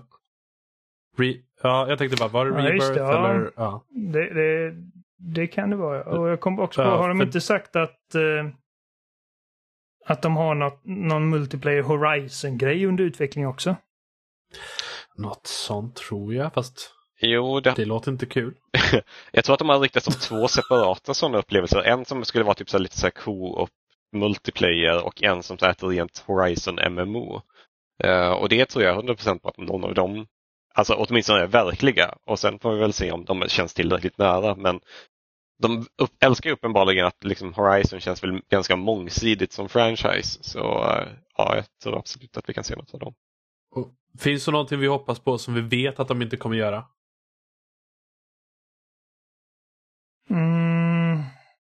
Killzone 2 Remaster. Half-Life Alyx. Eh, nej, alltså. Om det inte blir en Metal Gear Solid 3 Remake så hade det varit nice ifall man kunde få liksom att okej, nu går serien som ettan, tvåan, trean och fyran som är fast på PS3 att spela. Ja. Utan att streama. Ja, precis. Ja, Det, det sjukaste hade varit, jag tror, om- bara för att du sa som de inte kommer utannonsera, är om Naughty Dog kommer ut och säger, vet du vad, vi har löst det här med tvåproduktionsgrejen och The Last of Us del 3 kommer ut nästa år. Bara, Ja, men alltså, det, eh, alltså nästa år vet du fan, men, men alltså jag ser det inte som en komplett omöjlighet att vi får liksom en, en reveal-trailer för Last of Us Part 3. nej, kanske inte det. Kanske inte. Men det, det, det, för det var liksom så här, för att jag menar, de släppte Uncharted 4, visst var det 16 och så sen Part 2 Ja. liksom eh, 2020. Och jag vet att de har sagt att de vill ha kortare liksom, fönster mellan liksom, announce och släppa. emellan där också. Ja men exakt, Mm. så jag menar om vi tittar på liksom så här full produktion så var det väl liksom så här runt någonstans mellan tre till fyra år. Liksom så här. Och sen pre-production-faser och sånt där är ju separata. Så. Men eh, då har de ju ett multiplayer-spel också. Men eh, såklart hade det varit Eftersom kul att se. att Last of Us är liksom så hett nu, alltså det är liksom det är ett kulturellt fenomen tack vare den här serien. Eh, så kan jag absolut se framför mig att de liksom eh, tar vara på det och eh, eh, bekräftar Last of Us Part 3 med en liksom kort teaser som vi fick för tvåan. För att jag kommer inte ihåg Mm. när den trailern kom, men den trailern kom väl typ eh, två år innan release va? fyra år tror jag. Ja. Nej, Fyra år? nej, nu kanske jag ljuger. Vänta. De, det var jäkligt långt. Jag tror att de, gjorde, de hade ju sån här, så här Playstation Experience. Som var det här separata 4 eventet. december 2016. Jo, 2016. Mm. Ja, så att alltså, liksom ifall man har den, man sätter den liksom. Så de utannonserar det den 3 december 2016. Fjärde. Och så släpps Men det, ja, tredje eller fjärde. Ja. och så släpps Mm. det 2020. Sommaren 2020. Då är det inte alls liksom omöjligt att, att, de, att de avslutar hela showen. Liksom, man vill säga att de visar upp uh, Factions och bara det här är liksom det här är vad, vad, vad ni kommer se härnäst från Naughty Dog Studios. Mm. Eh, men de är även liksom mindful över att liksom en stor andel av deras liksom spelarbas är generellt single player eh, spelare. Och det här är liksom, vi har inte glömt er, vi är liksom inte plötsligt en enbart multiplayer studio, det här är vad som kommer om två, tre år. Eh, och vi får en teaser-trailer där Abby trycker ut ögonen på Ellie. Och så kommer internet att explodera.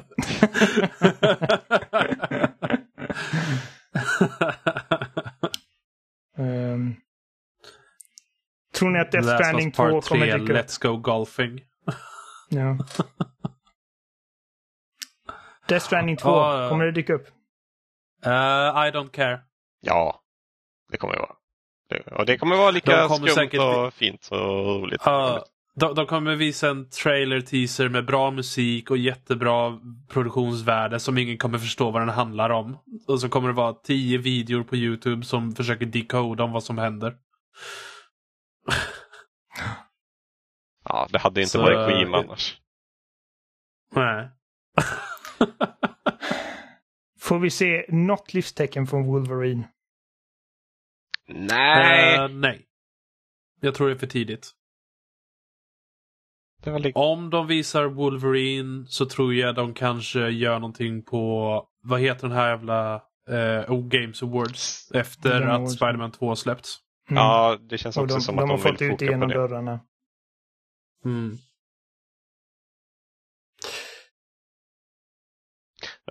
Nej, men de har, de har ju många grejer att utannonsera. Alltså det känns helt klart. Och många grejer att visa. Så att det kommer bli ja, jäkligt späckat. Som du sa i början Oliver, att det om de har en timme och liksom inte lyckas visa någonting överraskande eller imponerande. Alltså då är det så här. Då har de ju fatalt misslyckats. Ja, Playstation imp- 5 imponera Pro. tror jag de kommer göra, men det blir svårare att eh, överraska. Liksom, ifall man inte har de här stora. Eftersom att eh, så mycket... Det, det är svårt att hålla saker hemliga idag. Mm. Eh, så att liksom även om Metal Gear Solid 3 Remake uh, utannonseras och det kommer bli en crowd pleaser såklart. Så är det, så är det ändå liksom någonting som folk är beredda på. Eh, och Spiderman, jag tror att liksom när de visar det så kommer folk tycka att det, det, det ser skitbra ut. Och jag, och jag tror stenhårt på att liksom eh, det kommer bli ett kanonspel. Men det är också, vi förväntar oss det. alltså, jag, Mm. jag, jag, är, liksom, jag är nästan jag har nästan kunnat liksom sätta min, mina testiklar på att Spider-Man 2 visas. Det, det, det är bara en sån no-brainer. Mm. Så eh, imponera är väl det de behöver göra och det tror jag att liksom, det, det kommer de nog göra. Eh, men, men att överraska det är alltid svårare och eh, De som har en hög, värre uppförsbacke det är ju Microsoft. När de väl visar sitt. ja, Microsoft har det inte roligt just nu alltså. Det, Nej. Det är Eh. Starfield och till och med det kan bli knapert. För att, för att jag, jag förväntar mig inte att det kommer liksom vara ett sånt spel som flyter superbra. För att liksom även, även när Bethesda Studios gör, eller Game Studios, när de släpper spel som är liksom universalt älskade som Skyrim så är de ändå jävligt janky liksom. Oh, ja. Och idag så lägger man sån vikt på att allting ska vara så polerat. Liksom alltså de, de, de, det ramaskriet det blev när Redfall eh, bekräftades köras i 30. Var, Ah. eh, Och sen ja. var det inte ens och sen var det inte ens ett bra spel som kördes i 30 sen. jag, borde, jag har inte ens laddat ner och testat det. Nej, inte jag heller. Och, liksom, jag, jag bara, nej.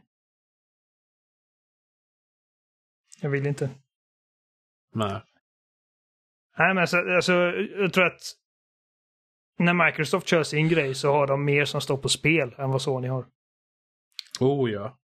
Eh, men de har också en mycket lägre ribba att behöva ta sig över. Än vad Sony har. Mm. Men då, Microsoft har ju typ 17 miljoner studior som har arbetat på några, alltså sina egna grejer som vi fortfarande inte vet någonting om. Mm. Ja, Jag, jag, tror, alltså, Så- jag, jag är väldigt spänd på, eller spänd, jag är väldigt nyfiken på Microsoft. Så jag, jag, ser fram emot det. För att jag känner att Ja. de har mest i hela industrin att bevisa. Och eh, de behöver verkligen en win och det vet de. Mm. Om deras eh, Activision deal går igenom så kommer de utannonsera att alla deras studios blir Call of Duty Support Studios. Så är det. Ja. Alla förvisas till Call of Duty-gruvan. Ja. Till Game Industries coal mine.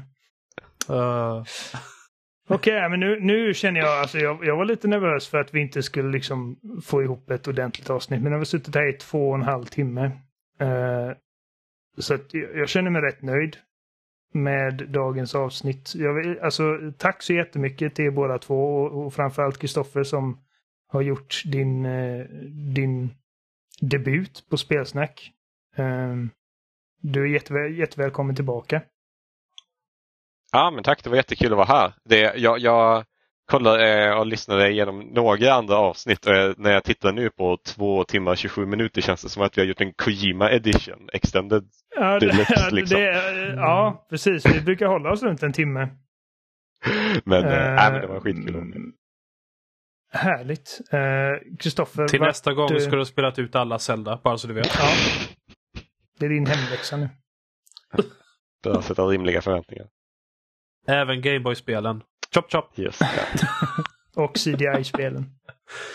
Eh, Kristoffer, vart, eh, ifall man nu lyssnar på detta och tyckte att han Kristoffer, han var ju jävligt skarpsynt och, och, och vettig och trevlig och honom eh, vill jag kolla in ytterligare. Va- Liksom, vart, vart kan man, vart hittar man dig? Vart följer man dig?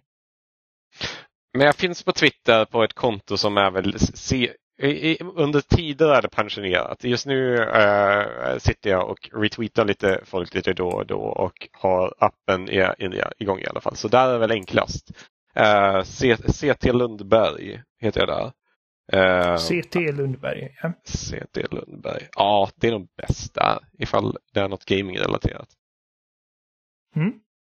Så eh, skriv till eh, Kristoffer och eh, välkomna honom till familjen. Ingen kommer skriva. Jag, jag, jag vet inte varför jag sa det. Alla kommer att bara, Eh, varför, älsk- varför hatar du Zelda? precis, precis. Vad en jävla sopa. Ge tillbaka ditt gamerkörkort. Eh, Adam, Ja, du är Ja. aktiv på Twitter. ja tyvärr. E- Elon har inte jagat bort mig än. Och jag är det var, min gamla vanliga tag. At Adail90. Och jag tweetar för det mesta just nu om Zelda och lite sånt. Men Mm. eh, det är oftast aktuellt om vad jag sett eller spelat senaste tiden. Och lite Mm. hot takes. Det är mycket, mycket nördinnehåll där, så det, det är alldeles utmärkt. Mm. Ehm, jag skulle vilja säga till er som lyssnar att ni får jättegärna skriva in och berätta vad ni för, eh, hoppas på och förväntar er och liksom ifall ni har eh, saftiga predictions om eh, Playstation Showcase. Problemet är att när ni lyssnar på detta så är det bara några timmar kvar innan det händer så det kanske känns menlöst. Men alternativt kan ni skriva vad ni tyckte om showcasen. För att det kommer vi prata om nästa vecka när Amanda och Jimmy är tillbaka. Ja, hur fel hade vi? Ja, precis. Eh, berätta vad ni tyckte. Skriv till uh, kontakt spelsnack.com alternativt något av våra förnamn spelsnack.com till Oliver, Amanda, Jimmy. Ehm, Ni kan hitta oss på YouTube, Spelsnack podd. Vi finns på Twitter. Jag kommer inte ihåg vad vi heter, om det är Spelsnack eller Spelsnack podd. Något av dem. Vi finns på Instagram tror jag, men ah, jag vet, vet inte om vi gör något särskilt där. Spelsnack podd var det precis, ja. Mm. Uh, vår hemsida spelsnack.com. Jag tror det var allt. Jag brukar inte sköta den här liksom jargongen i slutet så att jag måste alltid tänka efter lite extra. Ni vet hur man kontaktar oss. Uh, tack så mycket för att ni lyssnade. Återigen tack till Adam och Kristoffer för att ni var med. Det var jättekul att köta med er. Uh, vi får... Eh, jag vet att jag och Adam ska ju, ska ju kolla på Playstation Showcase tillsammans. Du får jättegärna joina Kristoffer om du vill. Oh, gärna. Det låter jättetrevligt. Sitta på typ antingen Discord eller ett Xbox-party eller någonting. Det låter ju skitkul. Absolut. Mm.